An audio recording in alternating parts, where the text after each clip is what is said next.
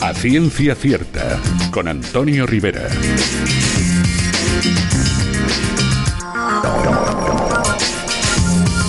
Hola, ¿qué tal queridos amigos? Bienvenidos todos a una nueva edición de A Ciencia Cierta, donde ya sabéis que tenemos un buen rato por delante para hablar y disfrutar de la ciencia. Os habla como cada semana Antonio Rivera y antes de empezar recordar brevemente las redes sociales del programa donde podéis interactuar con nosotros. Ya sabéis que estamos en Twitter en arroba ciencia cierta guion bajo y también estamos en Facebook en A Ciencia Cierta con Antonio Rivera. Recordaros también que si queréis escuchar todos los programas que hemos emitido hasta el momento, lo tenéis que hacer a través de la página o la aplicación de iVoox. Ya sabéis, iVoox con dos OEs. Y como siempre, agradecer por su colaboración a la Unidad de Cultura Científica de la Universidad de Valencia y a la Fundación Española para Ciencia y Tecnología. Y sin más dilación, gracias por estar ahí una semana más y comenzamos.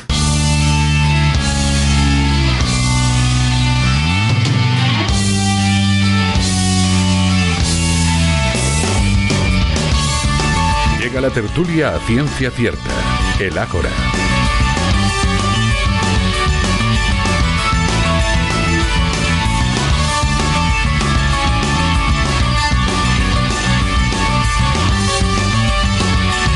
Sintonía del Ágora, sintonía de la tertulia aquí en la Ciencia Cierta. Vamos rápidamente a presentar a los contertulios que me van a acompañar durante el programa de hoy. Un programa que ya adelantamos es un tanto especial. Por un lado, es el primero del 2021. Y ya que estamos en ese primer programa que emitimos dentro del 2021, pues aprovechamos para felicitar el año a todos los oyentes. Por otro lado, también hacía tiempo que no colgábamos ningún programa, casi un mes. Muchos nos preguntabais en las redes sociales que qué pasaba. Bueno, en principio no pasaba nada, simplemente que ahora como no tenemos esa obligación de emitir eh, todas las semanas en un medio de comunicación, pues hemos aprovechado estos días un poco también de fiestas para parar, para respirar un poco, para coger oxígeno. Pero además, estamos en un programa especial, como decíamos, porque ni más ni menos ya sabéis que a los seres humanos nos gustan esto de los números redondos y estamos en el programa número 200, ni más ni menos. Alguno me decía eh, por privado si es que queríamos dejarlo en el 199. Hombre, no quedaría mal, bastante chulo. Una forma de terminar muy chula es acabar en el 199, pero aquí estamos para celebrar el programa 200. Vamos rápidamente, como digo, a saludar a los contertulios. Eh, Ignacio Crespo, ya saben ustedes, médico y divulgador científico, coordinador de la página de Ciencia de la Razón y autor del libro Una selva de sinapsis en la editorial Paidós. No podía faltar, Ignacio Crespo, una pata fundamental del programa en este programa 200. ¿Qué tal, Ignacio? ¿Cómo estás? Buenas noches. Pues muy bien, me gusta ser una pata.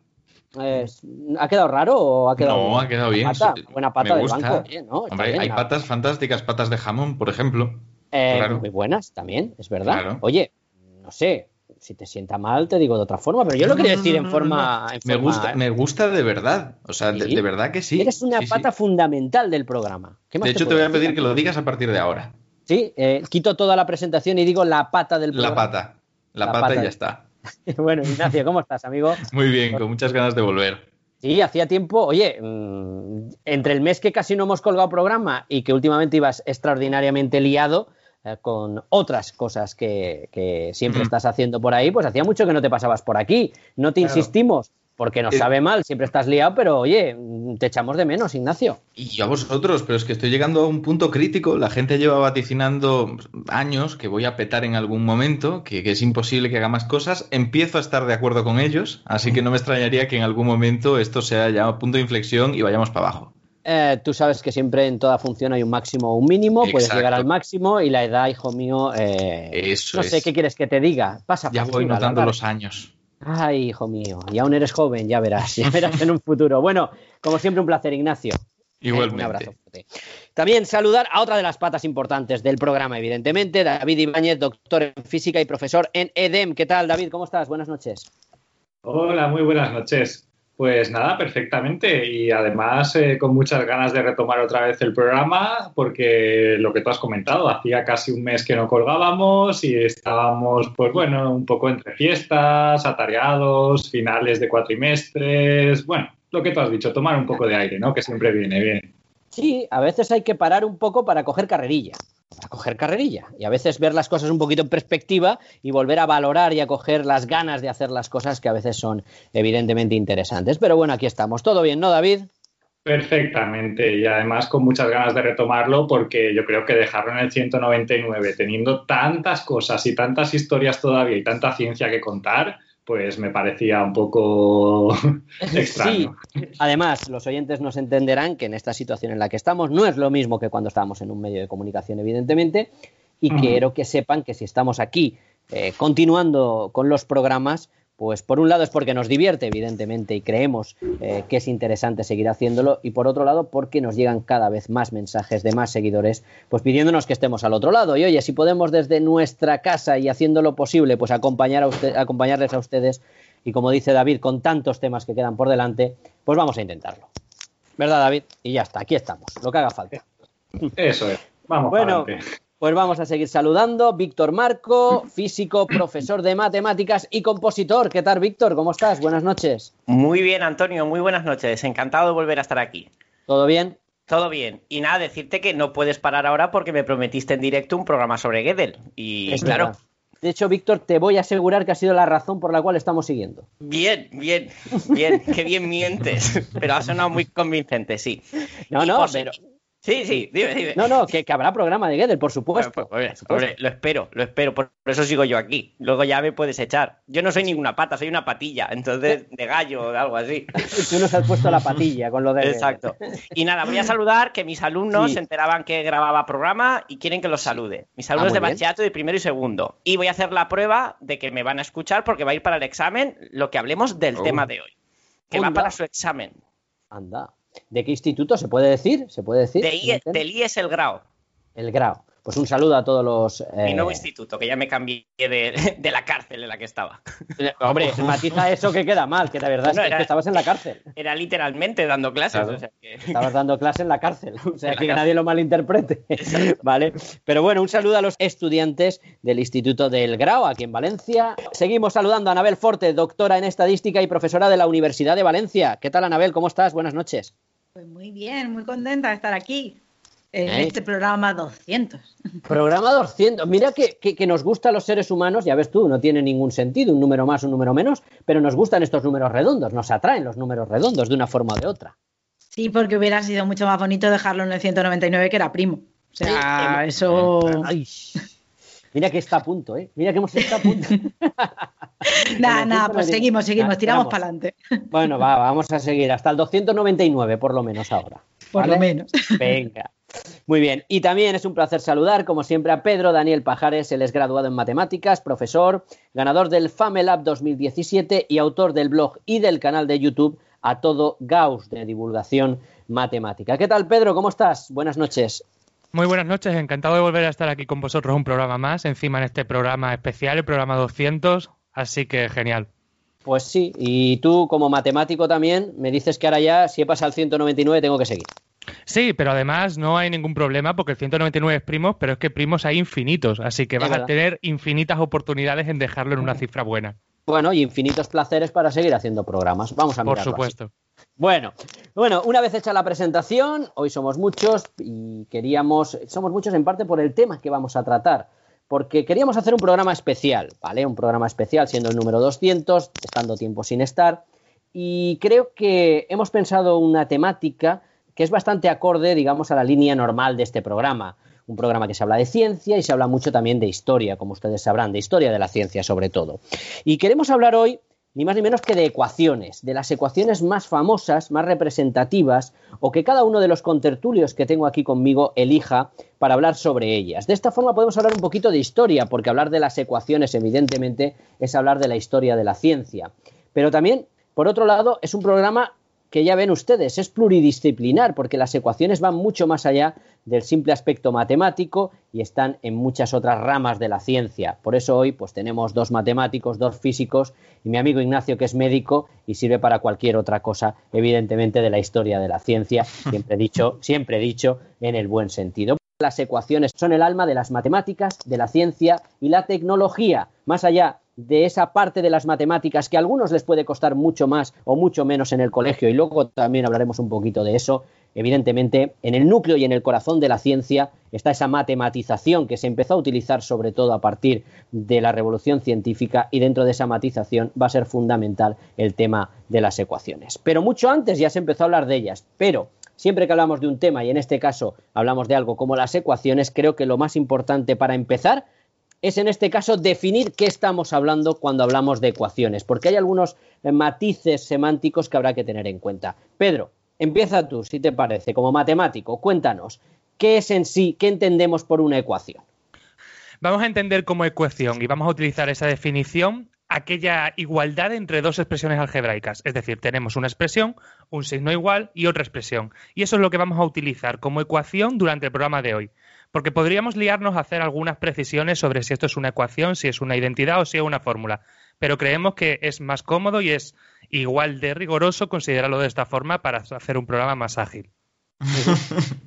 Correcto, correcto. Ecuaciones. O sea, mm, me estás diciendo que mm, es algo parecido a las fórmulas, un poco parecido a las identidades. Podríamos entrar en cuestiones semánticas de que no es lo mismo exactamente, pero creo que la gente en general, cuando hablamos de ecuaciones, lo entendemos todos. ¿A qué nos estamos refiriendo?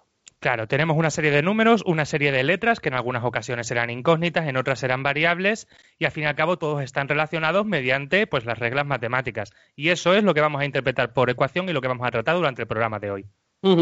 Oye, ¿y por qué? ¿Por qué son tan importantes esas ecuaciones? ¿Por qué están en el núcleo de una forma? Porque claro, mm, las ecuaciones se han utilizado desde siempre. Vamos a ir hacia atrás. ¿Cuándo empiezan a utilizarse? Pero las primeras ecuaciones, esas primeras igualdades eh, que estás comentando, no surgieron, por ejemplo, para explicar el universo, ni muchísimo menos. Supongo que surgirían para cuestiones mucho más prácticas, ¿no?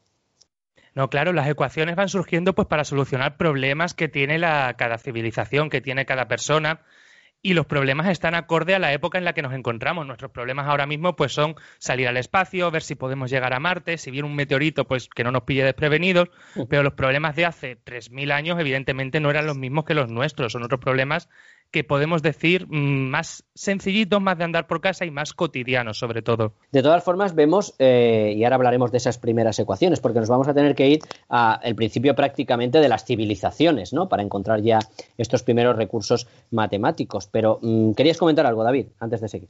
No, sí, eh, como estaba comentando Pedro, eh, como habéis sacado un poco el tema de que las ecuaciones a lo largo de la historia van cambiando, el lenguaje va cambiando, pues efectivamente las ecuaciones son algo que empezaron como una herramienta muy práctica, eh, pues para resolver problemas cotidianos, como pudiera ser pues la cantidad de grano que se recogía en un cultivo o repartir un terreno etc. Pero conforme va pasando la historia, estas ecuaciones eh, van adquiriendo un lenguaje eh, orientado más hacia estudiar la naturaleza, ¿no? O hacia intentar eh, comprender pues ciertos mecanismos que ocurren en la naturaleza utilizando el lenguaje de las ecuaciones.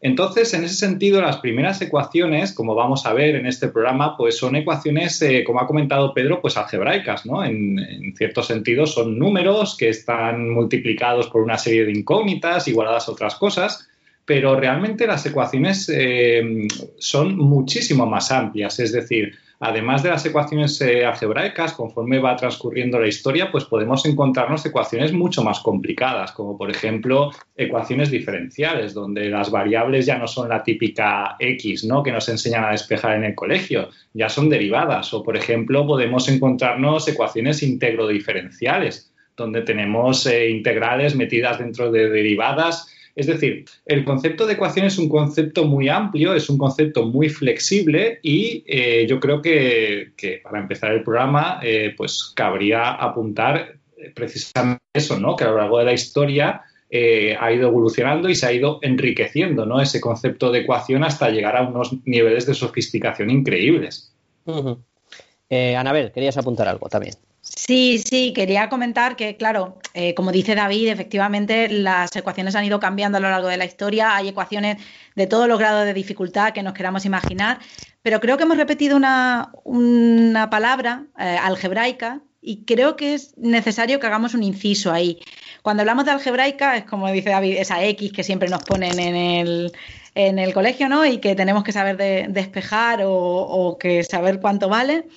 Pero eso, esas X, esos números, esas letras, esos símbolos, no han estado siempre. Y eso es importante también matizarlo. Porque cuando, eh, como decía Pedro, cuando empezamos, que son cosas cotidianas, que ahí simplemente es un enunciado de un problema y de ahí es donde sale nuestra supuesta ecuación. Y en ese momento todo se resolvía a partir pues de la regla y el compás. Eh, la geometría, o sea, todas las resoluciones de las ecuaciones en ese momento eran geometría. Y a partir de ahí, efectivamente, pues nuestro mundo se va complicando, nuestra tecnología se va complicando y como están en el alma de la tecnología y de todo lo que nos pasa, pues ellas también se van complicando, ¿no? Y, y a partir de- del siglo III o así ya empezamos a utilizar eso de números, letras y ese tipo de, de cosas, ¿no? Sí, y, y apuntando a lo que, a lo que estás eh, diciendo, para que la gente se haga una idea, eh, algo tan evidente como es el signo igual, ese signo igual que hay en toda ecuación, pues no es algo que se inventó hace muchísimo tiempo, hombre, sí, hace bastante tiempo, pero mucho después de que se empezaran a utilizar las ecuaciones, porque exactamente eh, Robert Record inventó en 1557 el signo igual. Utilizó dos líneas paralelas para evitar la tediosa repetición de las palabras es igual a. Él estaba escribiendo un libro matemático y cada vez que llegaba una ecuación tenía que escribir es igual a. Y buscó un símbolo que sirviera para expresar exactamente ese es igual a. Y eligió el símbolo de esas dos líneas paralelas porque, según sus palabras, no hay dos cosas que puedan ser más iguales que esas dos líneas paralelas. Y esto estamos hablando de 1557. Claro, eh, cuando empieza a utilizarse ese signo igual, pero como decía Anabel, tampoco las primeras ecuaciones eh, eran exactamente esas expresiones matemáticas que hoy en día vemos en las pizarras o vemos de esa forma con esas X y esos iguales, ¿verdad, Víctor? Sí, no, de hecho, otra curiosidad es que la, notación algebraica tarda mucho en llegar. Eh, los, los algebristas árabes son los que empiezan a usar ya una notación de palabras para referirse a, a las incógnitas. Con Diofanto ya se empieza a trabajar perdón, lo que se llama una notación sincopada, que es una combinación de texto y letras, y los árabes fueron los primeros en, en definir eh, esa cantidad que no conocemos como la cosa. La cosa era eh, un texto, por ejemplo, 2x más 3 igual a algo, era dos veces la cosa más 3 igual a lo que fuera. Y cuando en la Escuela de Traductores de Toledo empezó a traducirse todo el álgebra árabe para que se moviera por Europa, no supieron cómo traducir la palabra cosa porque tenía una especie de pronunciación tipo X. Y dijeron, bueno, pues la letra X es lo que más se parece. Así que parece ser que la teoría más probable es que la X es un invento español. Fuimos nosotros los primeros en poner X a la cosa que desconocíamos. Siempre hemos sido muy X. Sí, sí, sí, muy originales. No, no, pero no, desconocía lo que estás diciendo y me parece Sí, sí, sí, fantástica la es, historia. es la explicación que hay varias teorías, pero es la que más defensores tiene. Que la Muy X bueno. surgió en la Escuela de Traductores de Toledo. Muy bueno.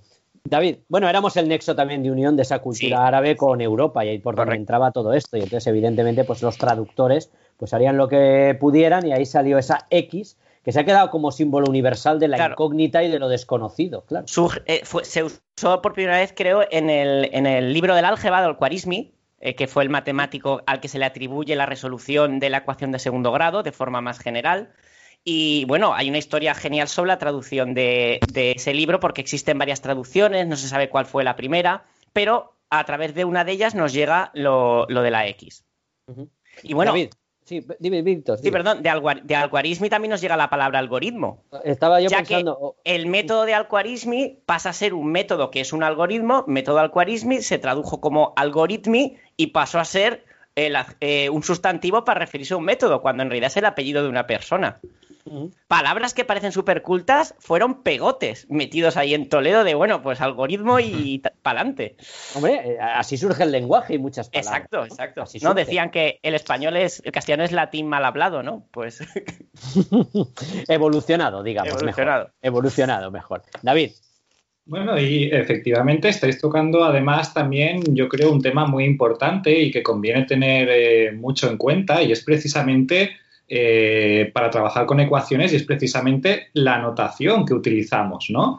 Es decir, eh, habéis hablado, pues, por ejemplo, de cómo surge esa X, ¿no? De, cómo las, ecuaciones van evolucionando. Eh, por ejemplo, Antonio, cuando has dicho que se introdujo el signo igual para no tener que repetir esto es igual a en palabras y se sustituye por un, por un símbolo, ¿no? Por una abstracción.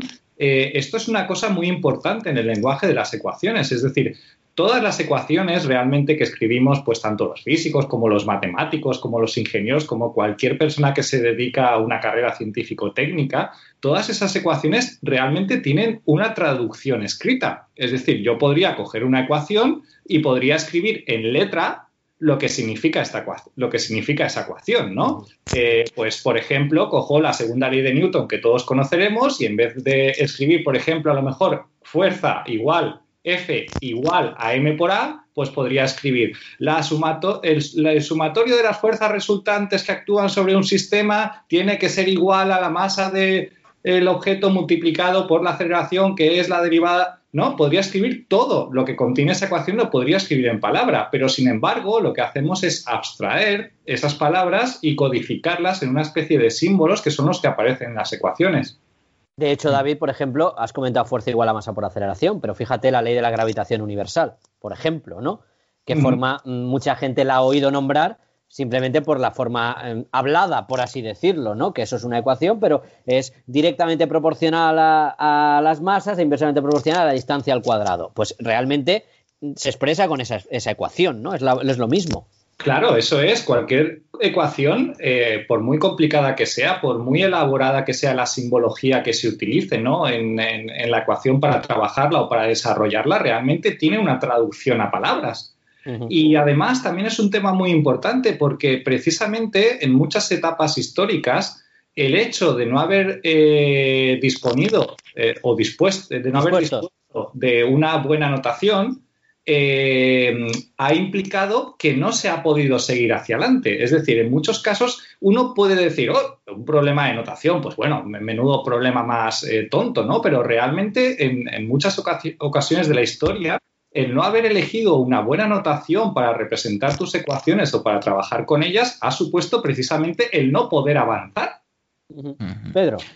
Esto facilita otra cosa que no hemos comentado y es que si utilizamos todos el lenguaje matemático nos estamos cargando la barrera del idioma. Porque yo escribo una ecuación, se la puedo pasar a un alemán que no entiende nada de español, trabaja con ella, se la pasa a su vez a un chino. Entonces podemos hacer un progreso mucho más rápido porque no tenemos que depender de aprender una lengua externa a las matemáticas. Es un lenguaje universal, podríamos decir, ¿no? Pues de hecho, diría que el lenguaje universal, porque hay otro similar. Difícil, difícil.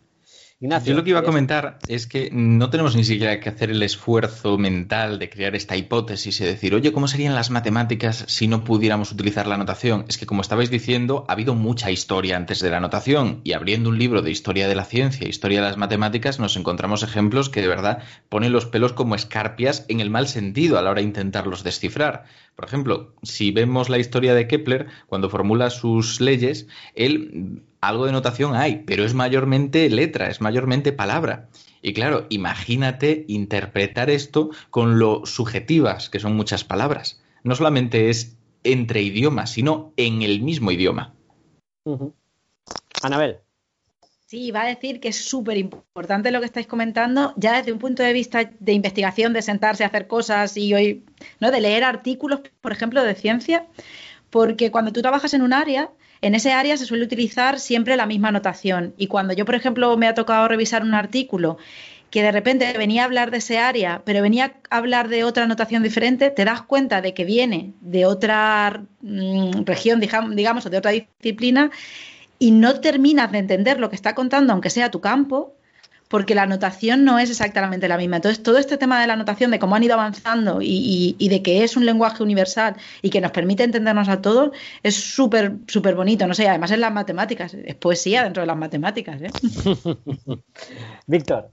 Sí, me ha gustado la frase de Ignacio de cómo se, la pregunta, perdón, ¿cómo serían las matemáticas si no tuvieran esa anotación? La pregunta es si podríamos llamarle matemáticas, ¿no? Porque son, es tan intrínseco a ellas la anotación que en sí misma forma parte de ellas. ¿no? Mm. No sé, es una pregunta que he suelto. Es decir, Claro. habría que traer aquí a, un filósofo de las matemáticas y un lingüista para que no quedáramos todos de cuñados, pero bueno, en cierto modo, matemática es un término que nace antes, ¿no? No estamos hablando de, un retrónimo, algo que ahora le hayamos llamado matemáticas antes de que sus contemporáneos lo hubieran llamado. De hecho, matemática significa lo que se puede entender, ¿no? Lo que tú puedes razonar. Pero el, álgebra, por ejemplo, que es, digamos, el lenguaje lógico, que como dice Pedro, está para que nos entendamos todos. Es gracias a, ese lenguaje universal la matemática pasa a ser universal y pasa a ser más matemática, más de lo que se puede entender. A eso es a lo que voy, que si bien existían antes de esta notación, tenemos que entender que la definición va cambiando. Desde aquello que se puede entender, que estás diciendo, que será el origen por su etimología, hasta lo que sabemos hoy, hablamos de disciplinas difícilmente comparables. Por lo tanto, si tenemos que definirlas por lo que son hoy, la notación es indispensable. No serían matemáticas sin notación. La propia física pasa a ser física como la conocemos en el momento que la matemática se vuelve rigurosa rigurosa, sino es protofísica, ¿no? O protociencia. Se matematiza, por así decirlo. Claro, sí. Claro. El hecho de que sea protociencia ya es un poquito más controvertido. La física, en cierto modo, era ciencia antes de la matemática, pero es verdad que la gran revolución llega con esa matematización. Sí, claro, y es lo que permite, entre otras cosas, eh, predecir predecir la evolución de un, de, un, eh, de un, sistema, ¿no? que creo que es fundamental. ¿no? Y es cuando a partir de Galileo se matematiza sobre todo, antes habían ideas, evidentemente muchas de ellas correctas y muchas incorrectas, pero eh, el salto importante es la experimentación por un lado y la matematización, perdón, eh, por otro. Víctor, adelante. Que de hecho, ya antes de Galileo, Sí, antes de Galileo tenemos algunos intentos. Por ejemplo, Nicolás de Oresme en la Edad Media ya empieza a representar ecuaciones de velocidad, de espacio eh, frente a tiempo. Le falta nada, un pasito para escribir toda la completa ecuación algebraica y llegar, por ejemplo, a lo que sería el cálculo diferencial y todo esto, que es un paso y un proceso de muchos años, pero que ha ido generando ese lenguaje no solo en la matemática sola, sino también apoyada en la física, porque matemáticas y física empezaban a ir muy de la mano. No es hasta, hasta el siglo XX cuando empiezan a separarse muy mucho como disciplinas muy separadas. De todas formas, daros cuenta que estamos dándole vuelta siempre a lo mismo. Al final todo avanza debido a la necesidad. La necesidad. Las primeras matemáticas, primeras ecuaciones, ¿por qué surgen? Surgen por esa necesidad de hacer cálculos, necesidad de que unas sociedades que vivían nómadas se juntan y empiezan a vivir en comunidad, y hay que repartir cosas, y hay que eh, tener un trigo eh, o un alimento y repartirlo de una forma determinada, y hay que hacer unas lindes para marcar los terrenos, para que este terreno es mío y este terreno es tuyo. O sea, esa necesidad hace que vaya surgiendo. Y luego lo mismo, un poco en el salto que estamos dando, cuando te vas a esa física y a la necesidad calcular el mundo que nos rodea, va evolucionando y, por ejemplo, el cálculo diferencial y integral surge por esa necesidad del estudio del movimiento de los planetas y el estudio del movimiento de los cuerpos, ¿no? Digo yo, ¿eh? así un poco hablando en alto, pero creo que es interesante el aspecto ese de que todo surge, no porque muchas veces las cosas no surgen porque alguien investiga y averigua ver y descubre cosas, sino por la propia necesidad, que tampoco es malo que surjan las cosas por necesidad. David. Sí, efectivamente, ¿no? Y además, eh, otro aspecto muy importante y muy relevante de, las ecuaciones, eh, pues por lo menos a nivel de, lo que es eh, física, digamos, porque yo entiendo que en una disciplina como las matemáticas, pues las ecuaciones juegan un papel central como objeto de estudio, ¿no? Eh, y además, eh, muchas veces se habla ¿no? de, esas, de esa belleza de las ecuaciones, de, las, de las eh, digamos, manipulaciones que haces para demostrar un teorema en matemáticas, de esas fórmulas tan bonitas y hermosas ¿no? que encuentras en áreas más abstractas de las matemáticas, como pueda ser la topología. ¿no?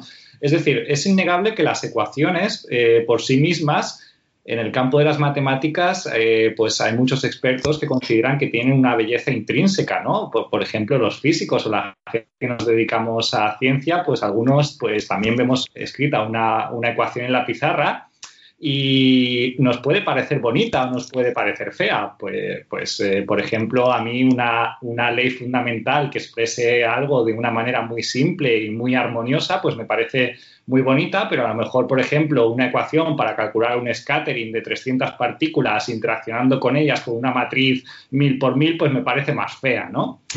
Eh, Entonces, eh, a lo que voy con esto es que, digamos, las ecuaciones tienen esa vertiente, ¿no? De, que pueden ser bonitas, de que pueden ser hermosas por sí mismas, pero también tienen, eh, digamos, eh, la otra vertiente, que es precisamente que es el lenguaje que tenemos que utilizar, porque realmente cuando nosotros utilizamos ecuaciones en física, lo que estamos haciendo es de alguna manera codificar en esos símbolos que ponemos en las ecuaciones, codificar magnitudes que medimos experimentalmente. Es decir, nosotros, pues, eh, primero eh, queremos determinar alguna propiedad, queremos investigar esa propiedad, podemos hacer mediciones experimentales, podemos hacernos una idea de lo que está ocurriendo ¿no? Eh, en ese sistema físico, pero después viene ese proceso de abstracción, ¿no? Lo que hacemos es todas esas medidas experimentales, de alguna manera le asignamos un símbolo que después aparece en una ecuación y después a otra magnitud diferente le asignamos otro símbolo y empezamos a conectar. En el momento en que estamos conectando diferentes magnitudes que tienen por sí mismas un significado físico, una medición, eh, un valor, cuando empezamos a querer ponerlas en ecuaciones y a relacionarlas entre ellas, esa es la magia ¿no? que tienen eh, las ecuaciones, ¿no? que son la herramienta que nos permite de alguna manera codificar lo que está ocurriendo en la naturaleza de forma matemática y, digamos, eh, poder trabajar con ellas a un nivel más abstracto y eh, a lo mejor llegar a eh, situaciones o a conclusiones que no podríamos haber llegado simplemente experimentando. Parece muy interesante todo lo que estás comentando porque es el paso un poquito más allá de lo que es la propia ecuación matemática pura y dura, ¿no? Claro, eh, en física ahora luego hablaremos porque vamos a ir hablando de algunas ecuaciones, ya mismo vamos a ir pasando a ellas, pero luego veremos cómo, entre otras cosas, decías tú, lo que hacéis es poner nombres y apellidos, por así decirlo, a esas X, a esas Y o a esas Z, ¿no? Y llámale usted energía, masa, o velocidad de la luz, ¿no? Y entonces esto queda una expresión en la cual ya no es todo tan abstracto, sino que estamos escribiendo el funcionamiento en una fórmula de la naturaleza que nos rodea. Efectivamente. Y eso nos va a permitir, entre otras cosas, saber cómo va a evolucionar, saber cómo va a funcionar, buscar esas correlaciones y relaciones entre una serie de leyes, porque la naturaleza al final se, se mueve por regularidad. O sea, mm, yo puedo buscar la ecuación de los, eh, por ejemplo, de los graves que caen, ¿no? De, de, un cuerpo que cae, porque siempre va a caer igual. Hay una regularidad. No un día va a ir para arriba y otro día va a ir para abajo. No un día va a ir más rápido y otro día va a ir más despacio. O sea, eso es lo que permite que exista la física y se estudie la física, porque es algo regular, hay unas leyes que yo puedo matematizar y me van a servir siempre, de una forma o de otra, ¿no?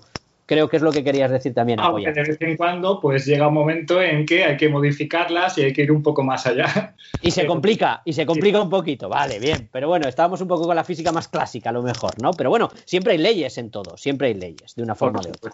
Claro. Anabel. Ok, si no, no pasa nada, le metemos error, que para eso estamos los estadísticos, hombre, no pasa nada. Y también tenemos un igual y también tenemos ecuaciones, ¿eh? Lo que pasa es que está el término del error. Sabes que te voy a dejar hablar de valles, no te preocupes. en estadística también vamos a hablar, que en estadística también hay evidentemente ecuaciones, pero muy bueno el matiz porque es verdad, para eso están también la estadística y los errores, por supuesto. Bueno, señores, creo que hemos hecho un poquito una introducción bastante amplia y creo que muy interesante y muy curiosa en muchos aspectos de un poquito la influencia de las ecuaciones en forma general de hoy en día, de la antigüedad y demás. Yo creo que podemos seguir con este debate que es súper interesante, pero ya poniendo ejemplos, si os parece, ¿no? Podemos ir poniendo algunos ejemplos. Y yo creo que, como siempre nos gusta aquí, aunque sea un poco curiosidad, no deja de ser un poco curioso, pero para ver eh, lo que hoy en día sabemos al respecto, podemos empezar, Pedro, por hablar la que se considera, ojo, se considera la primera ecuación de la historia. Cuéntame esto, que tienes o aquel. Y haces una buena puntualización en se considera, porque lo mismo nosotros terminamos de grabar este programa y mañana se descubre otra más antigua. Ah, Entonces vamos a hablar de lo que a día de hoy consideramos que es la más antigua, que esto es complicado. Y está bien pensar porque, claro, la primera ecuación de la historia no va a tener nuestra notación actual, aunque yo ahora sí la voy a decir con nuestra notación.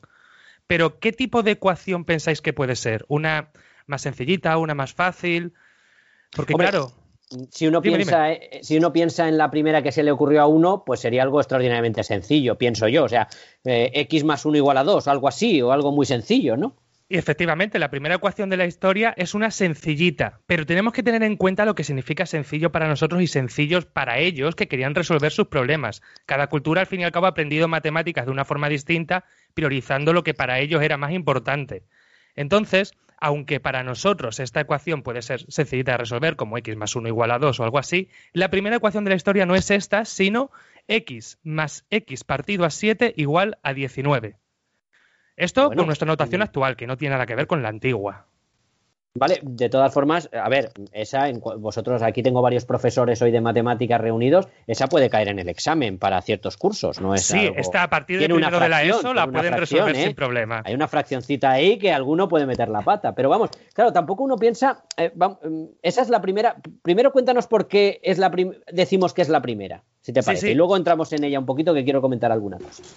Bien, es la primera porque actualmente es la más antigua que conocemos y aparece escrita en el papiro de Amés, que si no suena también se llama el papiro de Rind. Amés es el escriba que escribió ese papiro y Rind es el apellido de la persona que lo descubrió.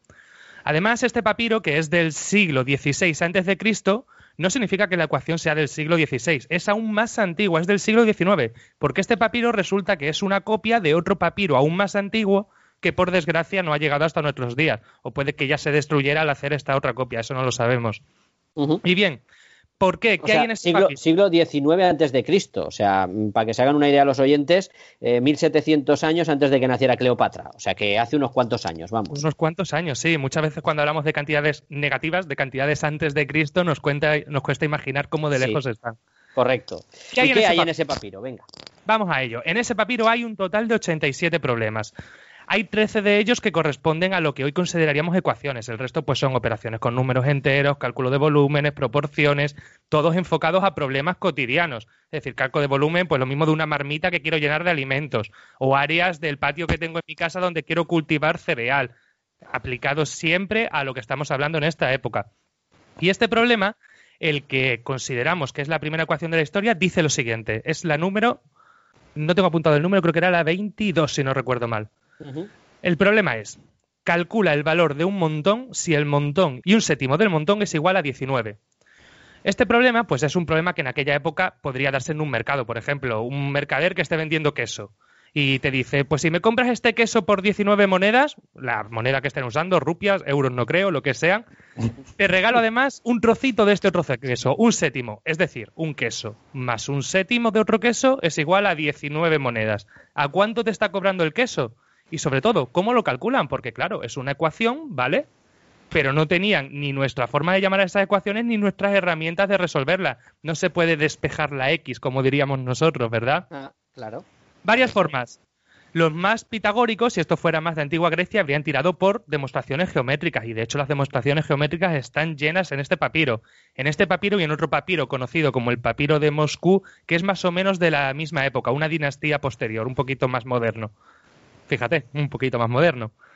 Pero realmente este problema se resolvió por un método que hoy en día conocemos como la regula falsi o la falsa posición que es básicamente el voy probando y a ver qué pasa de toda la vida, el ensayo y el error. Por ejemplo, suponemos que el queso cuesta 17 monedas. Pues calculo 17 más un séptimo de 17, me sale 19,43. Vaya, tenían que ser 49, pues me paso. Pruebo con 16. Con 16 me salen 18,9, pues un poquito más, 16,6. Y voy aproximando hasta llegar al valor correcto. Este es el método que se utilizaba, así que es el que creemos que es probablemente el método más antiguo para resolver una ecuación y que curiosamente, Antonio, y creo que esto te va a gustar, hoy en día sigue vigente. Porque los ah. ordenadores y muchas de las calculadoras siguen utilizando este mismo método, la, la regula falsi, para calcular soluciones de ecuaciones o raíces de polinomios cuando tienen un grado elevado, porque les cuesta menos hacer esto que ponerse a desarrollarlo. Anda, por eso son tan rápidas, entre otras cosas, evidentemente, por la capacidad de cálculo, pero es curioso, no hacen lo mismo que nosotros para resolver la ecuación, ¿no? No es eso de despejar, pasa al otro lado. Eh, no, no, eso es todo notación mucho más moderna, muchísimo más moderna. Vale, vale, vale, vale. A ver, Víctor, coméntame. Sí, me ha gustado lo de, lo de que seguimos usando y es que, y esto, eh, si me equivoco, que me corrijan mis compañeros matemáticos, eh, fórmulas que tenemos para resolver ecuaciones, por ejemplo, primer grado tenemos un mecanismo de pasar la x a un lado, segundo grado tenemos la famosa fórmula de x igual a menos b, más menos b, tercer grado, aunque en el colegio lo damos con Ruffini, también tiene su propia fórmula, que es especialmente horrorosa. Cuarto grado tiene su fórmula más horrorosa aún, pero curiosamente a partir de quinto grado no existe en principio una fórmula que se pueda resolver eh, en función de los coeficientes de los términos. Esto es por lo que se llaman ecuaciones polinómicas. Tienes que hacerlo con métodos de aproximación, con ordenadores, con regula falsi. O sea que seguimos teniendo esos problemas porque la matemática es así. Y si tenemos un problema aplicado a economía o a lo que sea, que como dice David, no es tan elegante y recurre a ecuaciones de grado, yo que sé, 12, pues te toca aproximar con regula falsi, con aproximaciones.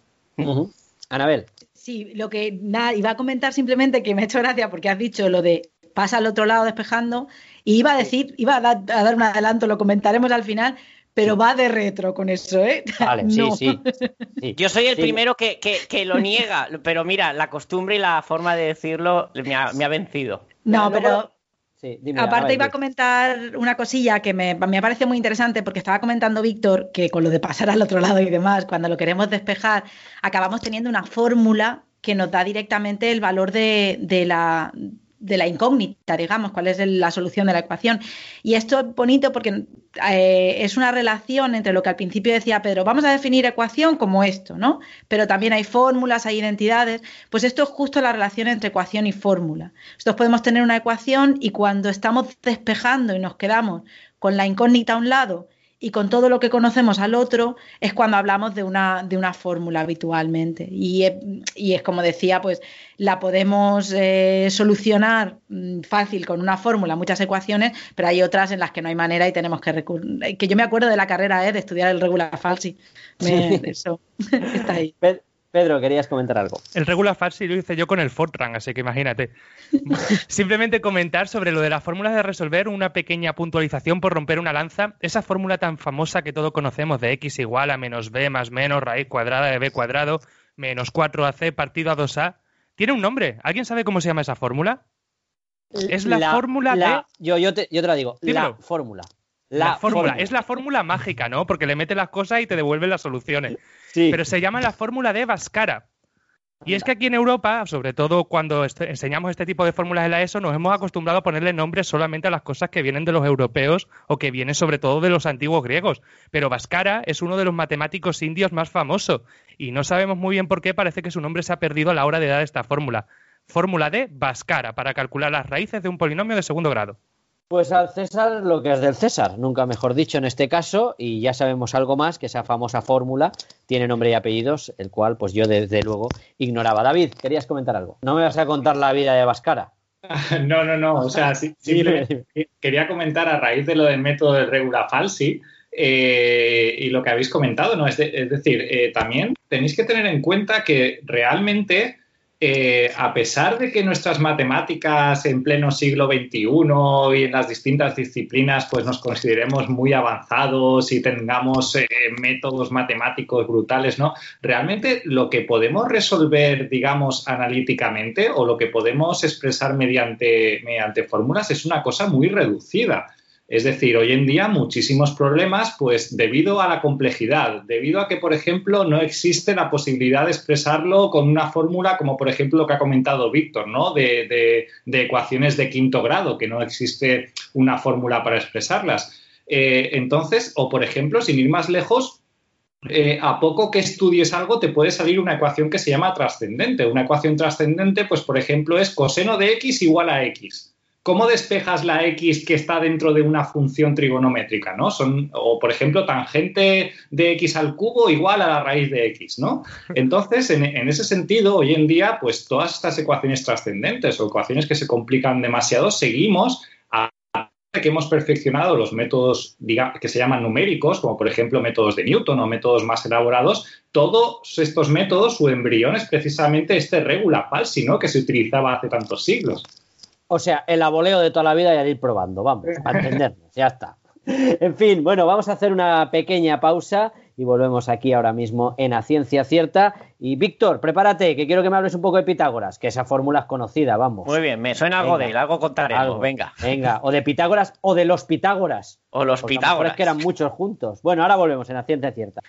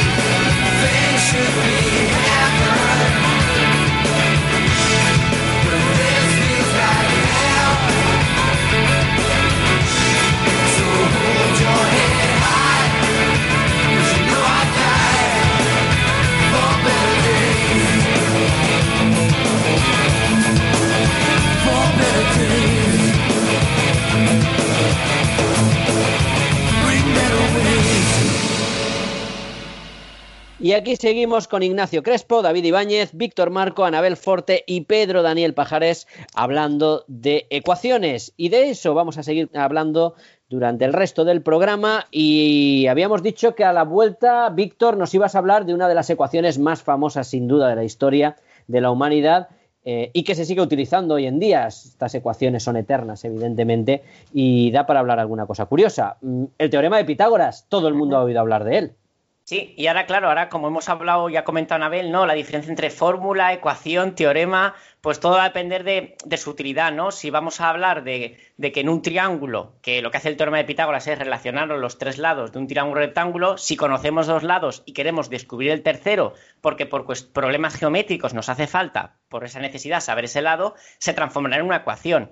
Pero como fórmula teorema que te relaciona lados y te da una especie de nueva verdad, que es lo que es un teorema, pues lo podríamos llamar fórmula. Bien, lo que vamos a contar es un poco cuándo surge. Aunque es en Grecia y a los pitagóricos a quien se les atribuye la demostración, el teorema de Pitágoras o el conocimiento de esa relación de lados es mucho más antigua. Lo que no sé si podríamos llamar que esa eso es una ecuación conocida desde siempre, porque claro, solo es una relación de valores. Y es en, Mesopotamia hace unos 3.700 eh, años, iba a decir millones de años, 3.700 años, si sí. miras es antigua. Se ha encontrado una tablilla de barro que llamada la Plinton 322 que se encontró en un mercadillo, fíjate lo que te puedes encontrar por ahí. En un mercadillo. En un mercadillo. Una de estas es una tablilla de barro hecha con notación de cuneiforme, de cuñas, donde se encuentran tríos de números que cumplen el teorema de Pitágoras. El primero es el 3, 4, 5, porque si 3 al cuadrado le sumamos 4 al cuadrado, nos da 25, que es 5 al cuadrado. Y así 60. Es decir, esto nos prueba que ellos tenían conocimiento de que había una relación entre los lados de un triángulo, que había una fórmula que los relacionaba. No sabemos si usaban esto como ecuación en plan de yo conozco dos lados, quiero saber el tercero. Ahí podríamos decir que hablamos de una primera intención de buscar respuestas con una ecuación, pero al menos podemos decir que son los orígenes o el caldo de cultivo de lo que va a ser eh, las fórmulas y los teoremas. Estamos hablando de mucho antes de Pitágoras, evidentemente. Sí, sí, sí, sí. ¿Eh? Eh, pues no recuerdo, Pitágoras es de unos 400 antes de Cristo y esto tiene 3.700 años. Oye, de los pitagóricos hay muchas leyendas, hay muchas historias, podríamos incluso hasta, hasta hacer un programa de Pitágoras o de los pitagóricos en general, ¿no? Pero mm, porque tenían una parte más allá del amor por las matemáticas, ¿no? Era un poco hasta demasiado trascendente y buscaban esas matemáticas en todo. Bueno, podríamos decir literalmente que eran una secta. Eran una secta, no dejaban no, bueno, publicar, no dejaban contar nada. Hay, hay leyendas ¿no? que habla del famoso alumno de Pitágoras que contó o publicó que la raíz de dos era irracional, que era un descubrimiento que hicieron ellos y que lo mataron. Porque al final ellos consideran que tener ese conocimiento les daba poder. Al final, quien conoce esto es el que va a construir cosas, el que va a resolver problemas de, de terrenos y eso es tener poder. Y estaba prohibido en esa agrupación sacar información de lo que se demostraba. Y que ni siquiera tenía una justificación tan práctica, cuando en la leyenda al menos acaban con Hipaso de Metaponto, que es el nombre de este hombre al que sacrificaron por las matemáticas, no era solo por el conocimiento o por la aplicación de este, era porque había cierta espiritualidad de por medio. Ellos entendían las matemáticas de una forma, en cierto modo, mística y además eran personajes con una intención política clara. Recordemos que no eran pobres sacerdotes o, em, no sé, matemáticos débiles perdidos por ahí. No, tenían grupos de poder político y se movían de forma muy agresiva en algunas comunidades. Era gente chunga, era gente que desde luego se merecía ese nombre de secta. Y encima estamos hablando de una demostración que fue que raíz de dos es irracional, que los, les trastocó todo, porque eh, eran números que para ellos no eran números, eso era cosa del demonio, y les, les rompió los esquemas. Y eso tampoco podía moverse y saberse, que ahí había números que no se podían comparar con otros. De hecho, la tenemos, de un cuadrado ha llegado hasta nosotros una idea de que la realidad es matemática, que ha llegado sobre todo a través de corrientes neoplatónicas, que como el nombre indica vienen de Platón, pero a su vez venían heredadas de Pitágoras y compañía. Y ellos lo que entendían era que estos números describían a la perfección la realidad, pero porque tenían una trascendencia más allá, eran la misma realidad. Cuando de repente se encuentran con un número que no corresponde a nada que hayan visto o experimentado, como es este número irracional, ah, tenemos problemas. Sí, sí, toda la teoría musical que está basada en las relaciones eh, de números naturales pitagóricos de la serie armónica eh, se rompen en el momento que te dicen que existen números que no entran en juego ahí y que también parece que están en la naturaleza, como la raíz de 2, en este caso raíz de 3 o cualquier raíz de un primo. Sí, pero, pero es muy curioso y es importante también, por mucho que los pitagóricos no les gustaba, la realidad estaba ahí, evidentemente, y esos números existían. Y cómo las matemáticas o el desarrollo de estas ecuaciones hizo que una de las conclusiones fuera que debían existir números de este tipo. Claro, Claro. esto también nos abre la puerta a que eh, eh, estos avances hacen mm, que es como abro una puerta, pero detrás hay otra. Van De hecho, ese ra- puertas, ¿no? Esa raíz de 2 sale al aplicar el teorema de Pitágoras a un cuadrado. Ellos fueron ahí encont- esperando encontrarse a lo mejor un tercer número natural y al ver que un lado vale 1 y el otro vale 1, el tercero pues se encontraron con un problema, que no era ningún número de los de la tablilla de barro. Dijeron paso palabra, al que le tocó Claro, es dijo como si en- entre esos 60 tríos de números de la tablilla de barro hay otros que siguen funcionando pero no son tan bonitos o tan elegantes, ¿no? Como decía David, ya no mola tanto.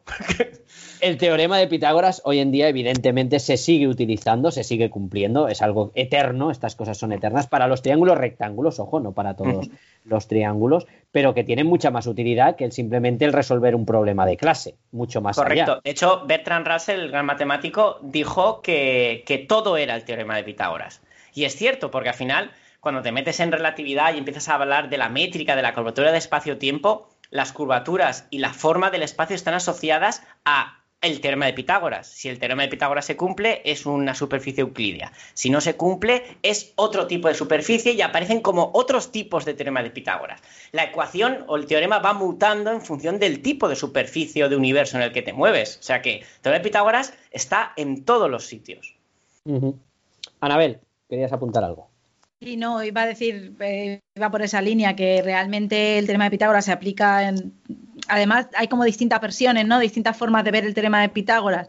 En el sentido, por ejemplo, en que eh, lo podemos ver incluso, si hablamos de trigonometría, si nos metemos ya a hablar de ángulos y demás, lo podemos ver incluso como una identidad. Y esto quiere decir que, porque el teorema de Pitágoras mm, se cumple para determinadas ternas de números, que son la- la- las que aparecían, por ejemplo, en la tablilla.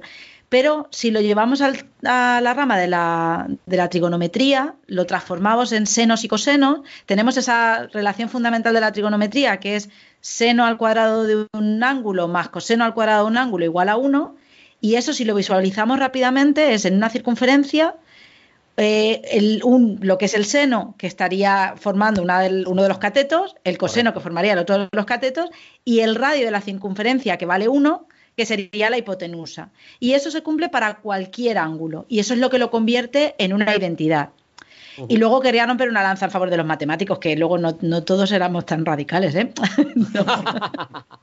Hombre, ya sabes que la historia, de cual- la historia de cualquier gremio, por así decirlo, en el buen sentido, pues tiene algún borrón de vez en cuando. ¿eh? A ver, Siempre, ¿no? Estas siempre. cosas pasan en cualquier sitio. y lo sigue habiendo, algún borrón hay, ¿eh? Hombre, por supuesto, por supuesto. Eh, David, ¿querías comentar algo o ya lo hemos comentado? Sí, bueno, y efectivamente daros cuenta de la importancia y la vigencia que tiene el teorema de Pitágoras, eh, porque, por ejemplo, en física eh, algunas magnitudes pues, son escalares, son numeritos. La energía, pues tantos julios. El trabajo, tantos julios. Pero hay ciertas otras magnitudes, como puede ser la fuerza. Cuando yo aplico una fuerza, necesito utilizar un vector que se llama, es una flechita. Tiene una dirección, tiene un sentido y además lo que vale esa fuerza que yo aplico es lo que se llama el módulo de ese vector. Entonces, claro, nosotros en, eh, en física utilizamos sistemas de referencia y los sistemas de referencia, a no ser que estemos en geometrías un poco más extrañas como las que ha comentado Víctor hace un momento, si estamos en una geometría pues euclídea, eh, los sistemas de referencia son ejes que ponemos de manera que forman 90 grados entre ellos y claro, cuando descomponemos un vector, si queremos calcular lo que vale ese vector, es la magnitud de una fuerza, por ejemplo, tenemos que aplicar el teorema de Pitágoras porque lo que vale esa fuerza lo descomponemos como eh, componente al cuadrado más componente al cuadrado y le sacamos la raíz cuadrada. Perfecto. Víctor, ¿querías apuntar algo más o pasamos? Volviendo ya? un poco Dime. a lo de las Sí. superficies que no son euclidias, quiero comentar una cosa que me sucedió en la carrera, que supongo que David también lo recordará con cariño en ese momento. Cuando das relatividad, relatividad especial, que además recuerdo que ya hiciste un programa sobre, sobre Sí. ella, ¿verdad? Sí. Eh, empiezas a hacer problemas donde empiezas a, calcular distancias entre sucesos donde la velocidad es muy alta y aparece lo que se llama el espacio de Minkowski, que es una Es un espacio que ya es distinto al nuestro solo por ir a velocidades tan rápidas a la de la luz. Y la fórmula en la que calculas esos espacios es el teorema de Pitágoras, es un cateto al cuadrado, otro al cuadrado, pero luego tienes un tiempo restando al cuadrado. Y cuando yo me di cuenta que eso era, digo, ostras, es el teorema de Pitágoras, pero con algo que resta. Entendí cómo Pitágoras va mutando y se va adaptando a la nueva realidad que vas descubriendo. Y entonces entendí la frase de Bertrand Russell de todo es el teorema de Pitágoras. Claro, luego cuando empiezas con la general y se curva el espacio-tiempo y empiezan a aparecer matrices rarísimas donde aparecen miles de factores más que modifican Pitágoras. Pero al final viene siendo lo mismo. Una medida de cómo es el universo, ¿no? Pitágoras mide cómo es el espacio.